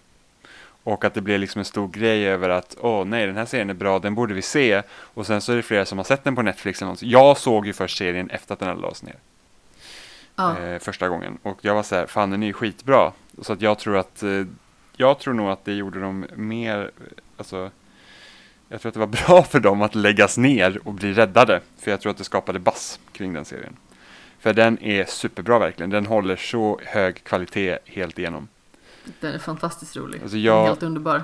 Så jag, jag följer liksom serien när den släpps veckovis i USA. Eh, Mm. Och alltså det är liksom, alltså varje avsnitt är verkligen, alltså det är sällan jag känner att efter ett avsnitt så bara, "Nja, det här var lite sådär, men det, alltså det, det är alltid någonting som är så roligt. Ja. Jag ser ju om hela, precis som jag nämnde tidigare. Och eh, jag tänkte liksom att jag skulle kunna vara i fas då när allting liksom har kommit ut på Netflix. Men nu har jag ju lite att jobba på för jag är bara i slutet av säsong tre. Mm. Men eh, ja, det är en underbar serie verkligen. Ja, Sen verkligen. naturligtvis, det finns ju eh, spel också. Se fram emot. Du och jag håller ju på att spela igenom alla Gears of War-spelen. Ja. Det gör vi. Och sen ska ju du spela igenom Kingdom Hearts. Mm, det ska jag. Du lät otroligt skeptisk. Ja, men det, det är så att jag var, det, det, det är ett ordentligt åtagande alltså. Men nu har jag i alla fall köpt, nu har jag ju, nu har jag ju faktiskt Kingdom Hearts fram till något spel efter tvåan på min Xbox. Ja. Och jag har trean. På PS4. Trean finns också på Game Pass. Mm. Faktiskt. Väl, jag har ingen förhoppning på att jag kommer bli klar med Kingdom Hearts i år. Även om Nej. jag börjar. Som jag tidigare nämnt har jag spelat första, jag har spelat Rechain of Memories och jag har spelat typ 40 timmar av tvåan Mm. och inte blivit klar. Nej, men sen kommer ju nya spel hela tiden. Det är ju det som är problemet. Ja, och sen så är ju de här små mellanfjuttarna så orimligt relevanta för helhetsbilden. Ja, vilket är så himla märkligt. Det är liksom så att, men det är som Oliver berättade när vi i spelsnack var så att han började titta på en tre timmar lång film av liksom ena spelet och han sa att det är nog det mest, alltså han kände så att sin tid var helt bortslösad. Ja, det, det är värsta med, det värsta med JRPG är att de är ofta så repetitiva. För att de liksom ska hamra in allt du ska göra typ 500 gånger. Ja, och sen så just Kingdom Hearts, så som ganska så många JRPG har ju väldigt mycket moralkake snack inkorporerat. Och Friendship is magic. Ja, och eh, man kan se in i folks hjärtan och se att de är goda bara genom att känna deras närvaro eller något annat bajsnödigt. Mm. Men jag tycker i alla fall första Kingdom Hearts och andra Kingdom Hearts, de är roliga att spela. Mm. Alltså visst, de har moment som är dumma. Och det finns scener som man bara undrar hur sjutton de ens kunde få skrivas i något tv-spel. Mm. Men det är någonting som gör att man kan liksom inte låta bli att älska dem lite grann. Eller jag känner, i alla fall med första spelet känner jag verkligen så här, jag har verkligen otrolig värme när jag tittar tillbaka till när jag spelade det. Mm. Så, så Trots. Tarzan-världen som jag ville slita mitt hår i. Jag tror mycket av problem med liksom spel som är gjorda på liksom 90-talet och början av 2000-talet och speciellt innan liksom eh, 360 och PS3 är ju det att det var inte riktigt, det var inte alla som hade liksom så här någon dedikerad team som skulle skriva storyn liksom. Det var något som man hittade på, speciellt under 90-talet. Då var det så här att ja men vi gör det här och så programmerar man ett spel och sätter man in någon story liksom. Eh, vilket gör att det blir liksom, speciellt när man spelar liksom nyutgåvor nu av, av liksom spel som typ Resident Evil, liksom, det är en jättetöntig serie egentligen. Eh, och sen så, när liksom, så ska man då dra den storyn idag och man var så här, jaha. Inte för att det liksom, det har ju såklart funnits bra stories i spel. Liksom sen innan, men det är liksom, det är väl, man, man, gör, en, an- man gör ett annan liksom effort idag tror jag. När man skriver stories. Men Japan, sen är japanska stories, alltså japanska spel har jätteskumma Liksom, det, det är liksom så att, jag förstår inte, typ, jag tittar på hur många animeserier som helst och man bara, det är så himla bra många gånger. Och sen så liksom så spelar man spel från Japan och det är bara så här skräp. Liksom storymässigt är det liksom verkligen så här typ övertydligt, repetitivt, det är liksom, jaha, det går igenom Och det samma grej. spårar. Ja, det också. Så det är liksom jättemånga märkliga grejer. Jag älskar ju förvisso Nino Kuni men det spårar ju också i slutet. Mm.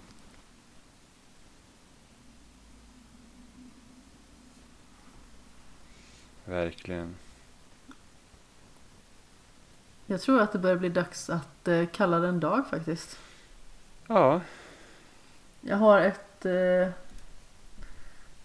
orange djur, eller gul kanske man ska säga att han är.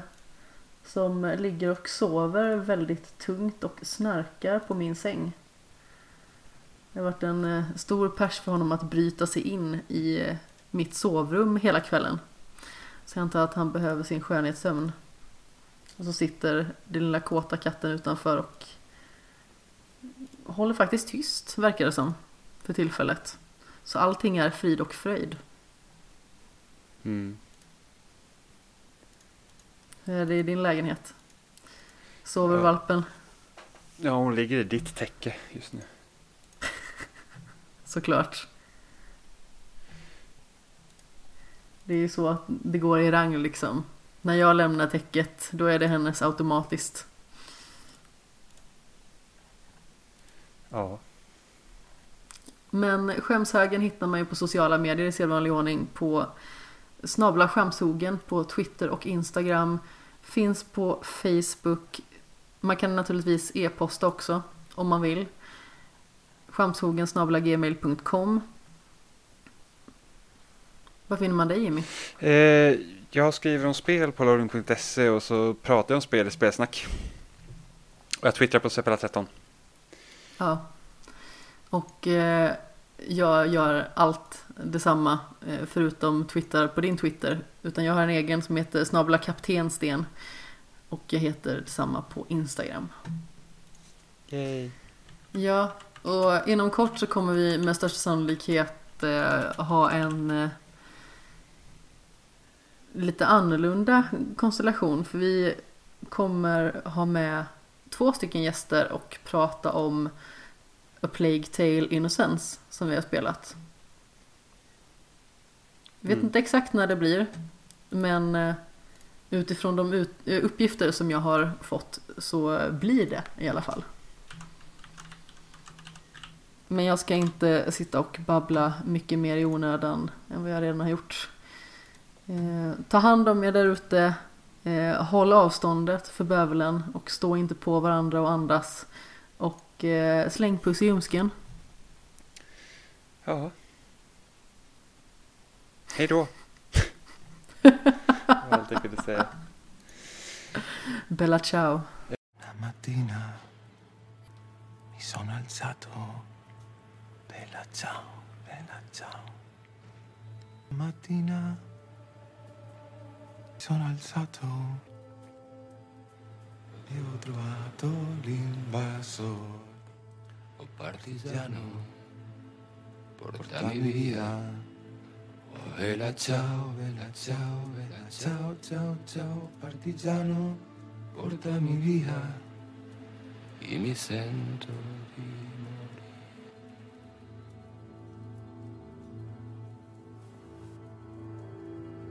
E se io muoio da partigiano, vela ciao, vela ciao, vela ciao, ciao, ciao, e se io muoio da partigiano, tu mi devi seppellire, e seppellire lassù in montagna. Oh, Bella ciao, bella ciao, bella ciao, ciao, ciao e seppellire lassù in montagna sotto l'ombra di un bel fiore.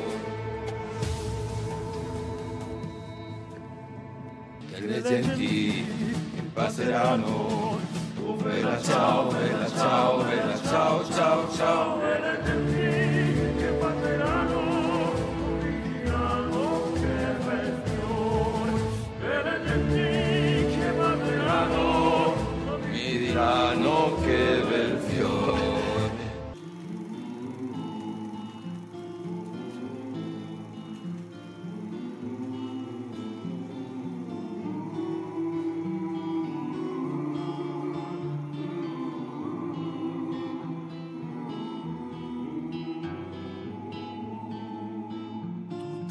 genti che passeranno. Oh vela ciao, vela ciao, vela ciao, ciao, ciao e le genti che passeranno oh, mi diranno che bel fior.